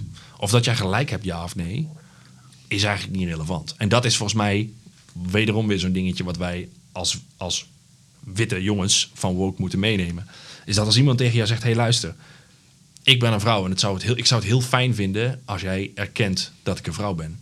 Wat win jij ermee om dat te ontkennen tegen die persoon? Oh, niet zo baas te veel. Nee, daarom. Dus waarom is het zo belangrijk voor ons dat wij onze grenzen tekenen en houden ehm, ten nadele van een hele groep die zich daardoor buitengesloten voelt van het normale Nederlandse leven? Ik ben een conservatief en dat betekent dat ik er... Eigenlijk eh, zoveel mogelijk hetzelfde wil houden. Eh, om, omdat ik geloof dat eh, veel dingen. de, de wereld is een complexe plek. En Ja. als dingen op een bepaalde manier werken, ben ik er zeer terughoudend in met die dingen omvergooien. Ja, Ik zal niet zeggen dat het nooit kan. Nee. Natuurlijk zijn er dingen veranderd in de geschiedenis en vaak ten goede. Soms ook ten, ten slechte. Maar Ja. ik ben er, ik ben er ehm, eh, op zijn minst terughoudend in. Om iets als zo'n biologische werkelijkheid zomaar los te laten. Van ja, oh ja, man of vrouw, dat is geen biologische werkelijkheid. Maar eigenlijk gewoon of je het leuk vindt om een jurk aan te trekken of niet. Ja, en, als, en zo'n Marieke die dan inderdaad, en ik, ik heb het haar niet letterlijk horen zeggen, maar ik ken meerdere eh eh feministen die inderdaad ervoor hebben gestreden dat als jij een vrouw bent, kort haar hebt, porno kijkt, bier drinkt en een brommersleutels, Ja. dat je dan nog steeds op en top vrouw bent. Ja. En nu zeggen ze aan de progressieve kant, nee, dan ben je eigenlijk een jongen. Want gender is niet meer dan, dan, dan wat je zelf vindt dat het een is. soort voorkeur of ja, zo. maar ik snap dus niet zo waarom dat een probleem moet opleveren. Het hoeft het heeft helemaal geen probleem om te leveren. Nou ja, wel als, als jij, als, jij mensen- een, als jij een vrouw bent en je, hebt, eh, je draagt broeken en je drinkt bier en sleutelt aan brommers, dan ben je voor mij een vrouw met karaktereigenschappen die we vaak wat mannelijk zouden Nou ja, noemen. maar weet je wat het is? Het is Uitstekend. vergelijkbaar met een hele ehm, subtiele manier van homohaat. Laten we het zo zeggen. Ik heb helemaal geen probleem met homo's. Ik, heb, ik zeg het overigens niet tegen jou, hè, dus misschien met, eh, maar het is dezelfde manier van praten. Ik heb helemaal geen probleem met homo's, maar als ze het niet bij mij in de buurt doen. Als, het- maar het hoeft niet allemaal op straat. Zeg maar, ik vind wel de- dat je zoekt daar gewoon je plekje voor. Ik hoef er niet mee geconfronteerd te worden. Daar kun je die, de manier waarop nu met, met transvrouwen en mannen omgegaan wordt, kun je daarmee vergelijken. Ja, dat vind ik niet helemaal waar. Nou, dat vind ik wel. Ik, ik, ik, ik, ik, hoef, Ik dat he- ook- ik hoef dat helemaal niet ver weg te hebben. Nee, maar ik heb het ook helemaal Nee, niet over jou, letterlijk. Ik Nee, al, ik Oh, bedoel sorry, niet ja. jou. Nee, maar er is natuurlijk er is een hele categorie Nederlanders, wereldburgers, Ja. die zeggen, ja, hij heeft helemaal niks met homo's, maar ze moeten wel van me afblijven. Ik heb niks tegen homo's, maar ze moeten niet aan mij komen. Of ik heb niks tegen homo's, maar ik hoef het niet overal op straat te zien. Nee. Dat vind ik eigenlijk ook onacceptabel. Ja, ik... eh, Ja, maar ik, dat is ik dus ook, denk en ik. daar zit het. Ja, ik, ik heb natuurlijk mijn grenzen, maar die zijn voor homo's en hetero's wat dat betreft redelijk identiek. Ja, ik vind het sowieso niet fijn als iemand in een kroeg eh, elkaar af staat te lebberen of naar mannen of vrouwen. nee, precies. Dus, dus Maar- nee. Maar het is Eh, dus het, het, het gevoel van niet serieus genomen worden, terwijl je wel in je hele zijn voelt. En het is nu inmiddels ook wel redelijk bewezen dat er inderdaad mensen zijn die op een hele andere manier identiteit, identiteit ervaren dan jij en ik. Oh, allicht, ja. Ik vind het gewoon heel kinderachtig om dan te roepen, ja, maar dat is, een geestesziekte. Ja, en dan, weet je, en dan probeer ik dus alleen maar, eh, nogmaals, ik ga jou niet meer overtuigen van het feit dat ik gelijk heb en jij niet, of andersom. Ehm, het gaat erom medemenselijkheid. Het gaat Ja, om maar- willen luisteren en ruimte willen geven aan mensen die anders zijn dan jij. Ja, maar wil je dan ook ruimte geven aan Marieke en al die andere feministen die zeggen... vrouwen zijn vrouwen en een man met een jurk is geen vrouw... en Nou ja. ik wil mijn eigen kleedkamer hebben. Want als je dan zegt, want jij bent een man... Ja. dus jij mag dan ook niks, nou, geen kritiek hebben op wat zij daarover roepen. Denk, Nee. dan, dan moet je ook consequent zijn en eigenlijk gewoon je mel houden... en zeggen als feministen de kleedkamer voor biologische vrouwen willen houden... is dat aan hun. Heb jij niks over te zeggen? Ik vind dat je er wel wat over te zeggen hebt, want ik ben geen seksist, nog een racist. dus van mij mag jij alles erover roepen. Ja. Maar ehm, eh, dat, dat vind ik dan een beetje dubbel. Weet ik niet. Maar Ik denk, ik, ik mis een enorme. Weet je, voor, ik kijk daar anders naar. Ik denk inderdaad dat het een keuze is voor vrouwen. En dat ik daar inderdaad weinig over te zeggen heb. Ik verbaas me alleen dat vrouwen na de strijd die zij hebben gevoerd om te komen waar ze zijn, niet de sympathie kunnen opbrengen voor een andere groep die nu met dezelfde strijd bezig is. ja. En, dat- en, en, en dat is terecht. En Ja. daarom moet je dat gesprek ook Ja, goed aan. precies. Ik, eh, die, die trans vriendin van mij, die, eh, die heeft bijvoorbeeld een hekel aan genderneutrale toiletten. Ja. Die zegt, potverdorie, ben ik eindelijk 100% vrouw, krijg ik genderneutrale toiletten. ja, die heeft ook zoiets, sodemiet erop. Ik wil maar geen genderneutrale toiletten. je bent niet nou, dat is geen rechtse natie, kan ik vertellen. Dat is een transvrouw, kom op. Je bent, je bent niet voor niets een vrouw geworden. Ja, zeg maar. precies, ja. En dan is eh, van de groep waar je. Want je wordt gewoon uitgesloten, je wordt gepest. Van de groep waar jij bij probeert te horen, te horen krijgen dat je er niet bij mag horen. Mhm. Wat moet je dan? Want je, je bent bezig op zoek. Weet je, en een vriend van mij vergeleek het ermee. Want je, we moeten ons realiseren hoe weinig wat wij allemaal belangrijk vinden betekent voor de jeugd van tegenwoordig. Ja. Als je zegt van nou. ehm, Johan heeft van zijn elfde tot zijn dertiende gedacht dat hij een meisje was. Bleek toch niet zo te zijn. Is nu weer een jongen. Is het hetzelfde als dat jij en ik van gothic naar punker naar skater terug naar normale mensen zijn gegaan? En ik- Oh, dat is interessant. Ja. Want dat ben, dat ben ik met je het eens. zijn gewoon fases. Ja. En, en ehm, eh, de enorme weerstand tegen het hebben van zo'n fase in iemands leven, begrijp ik helemaal niks van. Laat mensen lekker. Nie- niemand, denk ik, Nou, plat gezegd. Ik ken weinig mensen aan, wederom mijn kant In van, jouw van, van het gesprek, Ja.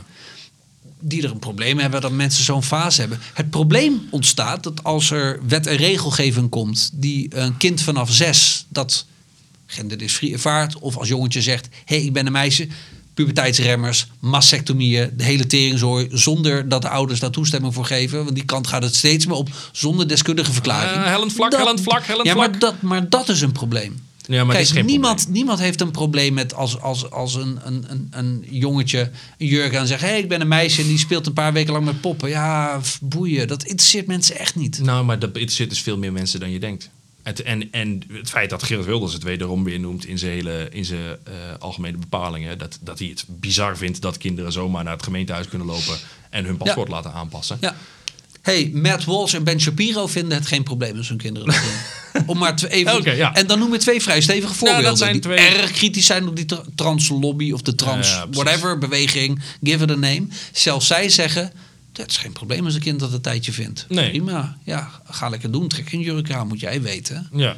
Maar ja, maar die. maar dan zijn- ben je een jongetje met een jurk. Ja. Dan ben je geen, niet direct een meisje. Nou, ja, waarom zou je dan niet iemand zoals een meisje moeten kunnen behandelen? Dat is het meer. Dan komt mijn punt. Wat is leidend? Wat iemand gelooft of hoe de werkelijkheid in elkaar zit. Ik denk dat de werkelijkheid veel, veel, veel grijzer is dan het zwart-wit beeld dat jij hebt over. seks. Allicht. Maar Ja. een vertrekpunt voor mij blijft dan toch biologische werkelijkheid. Ja, maar ik, het enige waar, ehm, een transpersoon om vraagt, is dat als jij een man in een jurk ziet, dat je herkent dat, dat, dat die graag gezien wil worden als vrouw. Ja. En, En, daar- en, en, en nogmaals, ik en genoeg ook velen met mij, ook aan mijn kant van het, eh, van het spectrum, vinden dat op zich niet zo'n punt. maar je vindt het wel. Zeker de liberalen. Maar je vindt het wel een punt. Het wordt een punt zodra ik verplicht word te zeggen. Ja, maar dan is het gewoon recalcitrantie. Dan heeft het, want als je het wel gelooft, maar het niet meer doet zodra het wet wordt, wat is er dan aan de hand? Nee, het, oh nee, ik zeg niet dat ik het dan, dan opeens niet wil doen. Het gaat mij erom dat ik het gevaarlijk vind als dat soort dingen in wet en regelgeving worden geborgd. Nee, ik kan daar dus mee Ik wil een man gewoon een man kunnen vinden. En of hij nou een jurk aantrekt en tieten heeft of niet. Of Ja. de, de, de- een hormoontherapie ondergaat, whatever. Ehm, eh, ik wil een man een man kunnen blijven noemen. En als er een ideologie is die dat verbiedt. Ik, ik wil ook Mohammed-cartoons kunnen blijven maken. Als ik kritiek wil hebben op Mohammed, moet ik dat vooral kunnen blijven doen. Ja. En dan mogen moslims mij een klootzak vinden. Helemaal prima. Ze mogen met z'n allen mijn blaadje niet kopen als ik het daarin zou tekenen. Ja. Vind ik allemaal prima. Als de wet mij gaat verbieden om een Mohammed-cartoon te maken, want dat is kwetsend voor Oh, moslims. nee, eens. Maar er was toen toch ook die radicale imam die toen heeft opgeroepen om daar een wet van te maken. Ik heb het volgens mij nog een keer voorbij zien komen. Of die radicale imam Aquasi, die zei: je je schminkt als Zwarte Piet, dan trap ik wel je kop in elkaar. Heel zei hij ook weer? Ik vind het schandalig dat er nog mensen zijn die met zwart... Ik, als, als ik een zwarte man was, zou ik daar ook eh, heel kwaad over worden. Ik vind dat echt onbegrijpelijk. Ja, Ik maar vind vind, jij het oké dat zo'n Aquasi dan zegt: Ik trap je, trap je in elkaar? ik zou naast hem gaan staan. Ja. Ik zou het ook doen. Ja, Ik vind het echt walgelijk. dan ben je redelijk woke. Maar ik ben, op het gebied van Zwarte Piet ben ik zo ook als ze komen. Ja. Dat vind ik echt schofterig dat er mensen zijn die dat durven te verdedigen. Ja. En tegen een zwarte persoon durven te zeggen dat ze zich niet zo moeten aanstellen. Het zijn gewoon Nederlanders. Ja. En dat is het probleem. Ja, en dan los je dus dingen met geweld op. En dat is precies wat ik van woke ken. En dat is mijn. Ik mijn- denk niet- Een van de problemen die ik heb met woke. Kijk, dit dat soort in het extreme trekken, daar, daar gaat deze hele discussie aan. Oh, hij, hij komt met geweld aan. Hij zegt, tegen jou, hij zegt tegen jou: Het doet mij zoveel pijn wat hier gebeurt. En jullie gaan gewoon door. En ik roep het al jaren. Niemand luistert naar me. Het is tijd om een keer een streep te trekken. En dan zeggen jullie: Oh nee, maar hij, gaat allemaal, eh, hij roept op tot geweld. Oh nee, zie je wel, ze zijn allemaal net zo erg als wij. Je loopt al 50 jaar hier met een racistisch, Mhm. Aanweesbaar racistisch meneertje. Ieder jaar op 5 december worden ze daarmee geconfronteerd. Lopen hier door de straat. Ja. En op het moment dat er iemand een streep trekt. Oh nee, hij roept op tot geweld. Oh nee, zie je wel, ze zijn allemaal net zo erg als wij. Ik vind het zo onvoorstelbaar kinderachtig. Dat je die... Oh, dat is het ook. Ja, dat vind ik heel sympathiek dat je dat Nee, maar, maar serieus. Alleen, ik vind er echt een heel groot verschil tussen dat heel stom vinden en de stap naar geweld. Ja, maar die jongen is Want dan, kan, dan kunnen de aanhangers van Wilders prima zeggen... prima, maar als er nog een moskee komt... want ik vind dat heel erg bedreigend, heel erg kwetsend... steken we ze wel in de fik. Dat vind je dan ook prima. Nee, dat is Want ook- die maar dat is moslims wel- zijn er al jaren... Kom. en ze integreren al jarenlang. Dat is niet mijn mening, hè, maar dat kunnen Nee, zij prima vinden. Is een compleet scheef getrokken vergelijking. Niet voor heel veel van die mensen. Nee, dat snap ik. Maar Ik dat vind in beide gevallen overigens het, het geweld ehm, uit den boze. Laat dat duidelijk zijn. Ja. Ehm, maar ja, dus ook bij zo'n aquatie. Of bij de transactivist die tegen mij zei: allemaal hartstikke leuk. Maar als je mijn dochter aanspreekt met zij. Ze zijn weet je wat het is? Dan sla ik je tanden uit je bek. Toen dacht ik: oh, dit is interessant. We zouden het over de materie hebben. Ik was met haar in gesprek over: is een trans man Ja. een man of een vrouw? Ja. Als je daarover inhoudelijk met elkaar in gesprek gaat. En een van de eerste dingen die ze zegt is: als zij zegt dat mijn, nou, als, als zij zegt dat persoon een meisje is, sla ik wel je tanden uit je bek. ja. Ja. dat is hoe ik woke ken. Ja. Als je het met me oneens bent, gaan we geweld gebruiken. Ja. Ja. Maar hoe vaak is het gebeurd? Ik heb eh, de afgelopen zes jaar drie keer de politie gebeld wegens dreigingen met geweld, waarvan twee regenboogmensen. Zo. Ja. Ja. Eentje. eh, maar ik hoef de specifieke voor. Oké, nou ja, prima. Ik, ik- ik, ga ook geen namen noemen. Nee, de mensen precies. weten misschien zelf wie het zijn. Ja. Ehm, en extreem rechts gebruikt ook geweld. Dus Ja. het is van alle tijden. En daarom trek ik daar ook de streep. Aquasi mag voor mij Zwarte Piet heel kut vinden. En Ja. al die mensen heel kut vinden. Werkelijk, doe het met een passie. Ja. Ga ervoor. Ja. Richt een omroep op. Oh, dat heeft hij gedaan. Ja. En verkondig het 24 uur per dag. Zet gewoon testbeeld. Zwarte Piet is racisme. Ja. Neem het ervan. Vind ik heel- liever zou heel goed liever niet voor mijn belastinggeld. maar goed, dat is eenmaal hoe het systeem werkt. Ongehoord mag helaas ook bestaan. Dan mogen zij dat doen. Ja. Helemaal prima. Geweld is voor mij echt een keiharde no-go. Nee. Maar goed, dat is misschien een, niet- Ja, ja, ja, niet nee, maar ik, ik, het meest relevante eh, onderdeel van het gesprek. Maar dat we ook maar- toch even genoemd hebben. Eh, Nee, maar ik denk dat, die, dat wij met z'n allen onderschatten hoeveel pijn het doet. En eh, dat we daar dat plank misslaan. als Ja, maar je wil niet weten. Want ik, ik, ik, ken, ik ken ook genoeg mensen van... eh, ja, zowel dom rechts als gewoon de mensen die gewoon echt bang zijn voor de islam. En Ja, als maar ze een de- moslim zien het- lopen, ik vind niet echt bang worden. En dan zeg je nu, ja, maar wij weten niet hoe bang die mensen zijn. Nee, prima, maar je blijft met je poten van de moskee af. Ja. En van moslims. En van iemand die zich verkleedt als Zwarte Piet. Ja, maar ik dat vind ik het- niet begrijp hoeveel pijn het doet, legitimeert niet dat zij wel geweld gaan gebruiken. Oh, dat zal het wel heel erg pijn doen. Ja, maar je Ah, kan, je, toch niet, je kan toch niet als zwarte persoon nu... Als je nu nog aanhanger bent van Zwarte Piet. Stel je woont in Volendam en je gaat met oliebollen en eieren en noem het allemaal maar... gooien naar mensen die daar een kick-out Zwarte Piet demonstratie houden. Dan kun je er toch niet meer... Ik vind niet dat je dat zou moeten doen. Nee, je moet het... dat zijn we gelukkig eens. Ja. Maar dan kun je toch niet meer om het idee heen dat deze mensen het daadwerkelijk doen... omdat ze vinden dat je minderwaardig bent. Oh, dat geloof ik niet. Nee. Hoe kun je dan nou, hoe kun je nou zeggen van, denk jij echt dat de traditie Zwarte Piet zoveel waard is? Ja, voor Dat- sommige mensen wel. Ik snap het niet, maar voor sommige mensen is het zoveel waard. Voor sommige mensen is het waard dat Mohammed absoluut onschendbaar is. Voor sommige Ja, mensen ik- is het heel belangrijk dat transvrouwen vrouwen zijn. Ik vind het heel gevaarlijk dat je die, die, die vergelijking trekt. Zeg maar die, het gaat toch over overtuigingen die je hebt en heel erg hoog acht. ja, maar nee, maar het is onrecht. Ik snap, oh, kijk, dat Mohammed getekend moet worden, helemaal eens. Eh, Waarom? Moslims zijn achtergesteld. Het is voor hun een heilig figuur. Moslims het zijn- kwetst ze heel erg van binnen. moslims zijn niet eh, in dezelfde manier achtergesteld als. eh, weet je, eh, Mohammed is een, is, dat is een, een godsdienstregel. Dat kun je niet, daar kun je niet een wet aan verbinden. Zeg maar, Oh, jawel hoor. Er zijn landen waar dat gebeurt. Dat klopt, maar dat is, daar, dat is islamitische wetgeving. Dat is sharia. Weet je, dat, zijn, dat zijn wetten die, gebeurt, die aangepast zijn omdat de hele samenleving gebouwd is op de islam. Dan kan je prima een wet die heel goed aansluit bij islamitische wetgeving in je wetboeken zetten. Ja. In Nederland is dat niet zo. Wij, ondanks het feit dat natuurlijk de christelijke filosofie best wel veel invloed heeft gehad op onze wetgeving, claimen ook dat wij neutraal zijn. Dus wij Ja. hebben geen kerk en we hebben godsdienstvrijheid. Ja. Eh, dan, ja, weet je, dan kun je dat niet doen. Eens. Ja. Ik denk dat je, niet, dat je niet zomaar, tenzij je een hele heel goed punt hebt te maken, iets over de, de profeet Mohammed moet zeggen. Ehm, want ja, weet je, iemand pijn doen om het pijn doen vind ik niet nuttig. Wordt niemand beter nee, van. Precies. Nee, nee. Eh, maar Zwarte Piet is, ehm, is een karikatuur op een zwarte man. Is een, een, een letterlijk ontworpen om ehm, zwarte slaven na te doen in Amerika. Om als witte man Mhm. zwarte, de zwarte karakteristieken, dus grote lippen, grote oorbellen, dus zeg maar het, het oude kannibaal. eh Monsieur Cannibal is toen ook weggehaald, omdat dat dezelfde, de- ongeveer dezelfde karikaturen had. Ja. Daarvoor is het ontworpen. Ja, Om te laten zien hoe knullig en hoe minderwaardig zwarte mensen zijn. Ja, ik weet dat een hoop mensen dit met je oneens zijn, maar ik, ik denk ook dat het primair een racistisch karikatuur is. Ja. Ik weet ook dat er genoeg verhalen zijn over andere culturen waar ook een soort Ja. zwartachtige vuur naar voren, et cetera, et cetera. Ik wil het even genoemd hebben, Ja. maar dat, ik, ik, ik, ik sta aan jouw kant wat Ja, dat betreft. precies. Schiet Zwarte Piet er maar uit. Maar dat denk ik... Oeh, dat nou? Als concept. Roep, ik wou zeggen, roep je nou op tot geval? Ja, ja. Stap me in elkaar. Nee, maar ik denk inderdaad dat dat... ehm, en daar moeten we gewoon mee ophouden. En ik denk inderdaad dat je niet als zwarte... Dat je een, zwart, een zwarte Nederlander het niet kwalijk kan nemen... dat hij denkt dat als je nu nog voorstander bent van Zwarte Piet... dat je dan een racist bent. Want iedereen die heeft ingezien van oké, zij vragen dat aan ons. En wij, het is voor ons toch geen enkel probleem. Het is een kinderfeestje. Maak er eh roetveeg Piet van en dat is helemaal oké. Maar als je nu nog met beide handen vasthoudt aan... nee, Zwarte Piet is belangrijk dan vind je zwarte mensen minder dan jij. Dan zijn, is hun mening, is hun ervaring van wat het is om Nederlander te zijn, minder waard dan die van jou. Ja, vind ik heel lastig zodra we kijken naar zwarte Nederlanders die voorstander zijn van Zwarte Piet. Want vinden, die, zichzelf, vinden die zichzelf dan minder waardig? Ik Nou, die zijn, die zijn goed. dusdanig ingeburgerd dat ze het probleem niet meer zien, denk ik. Nee.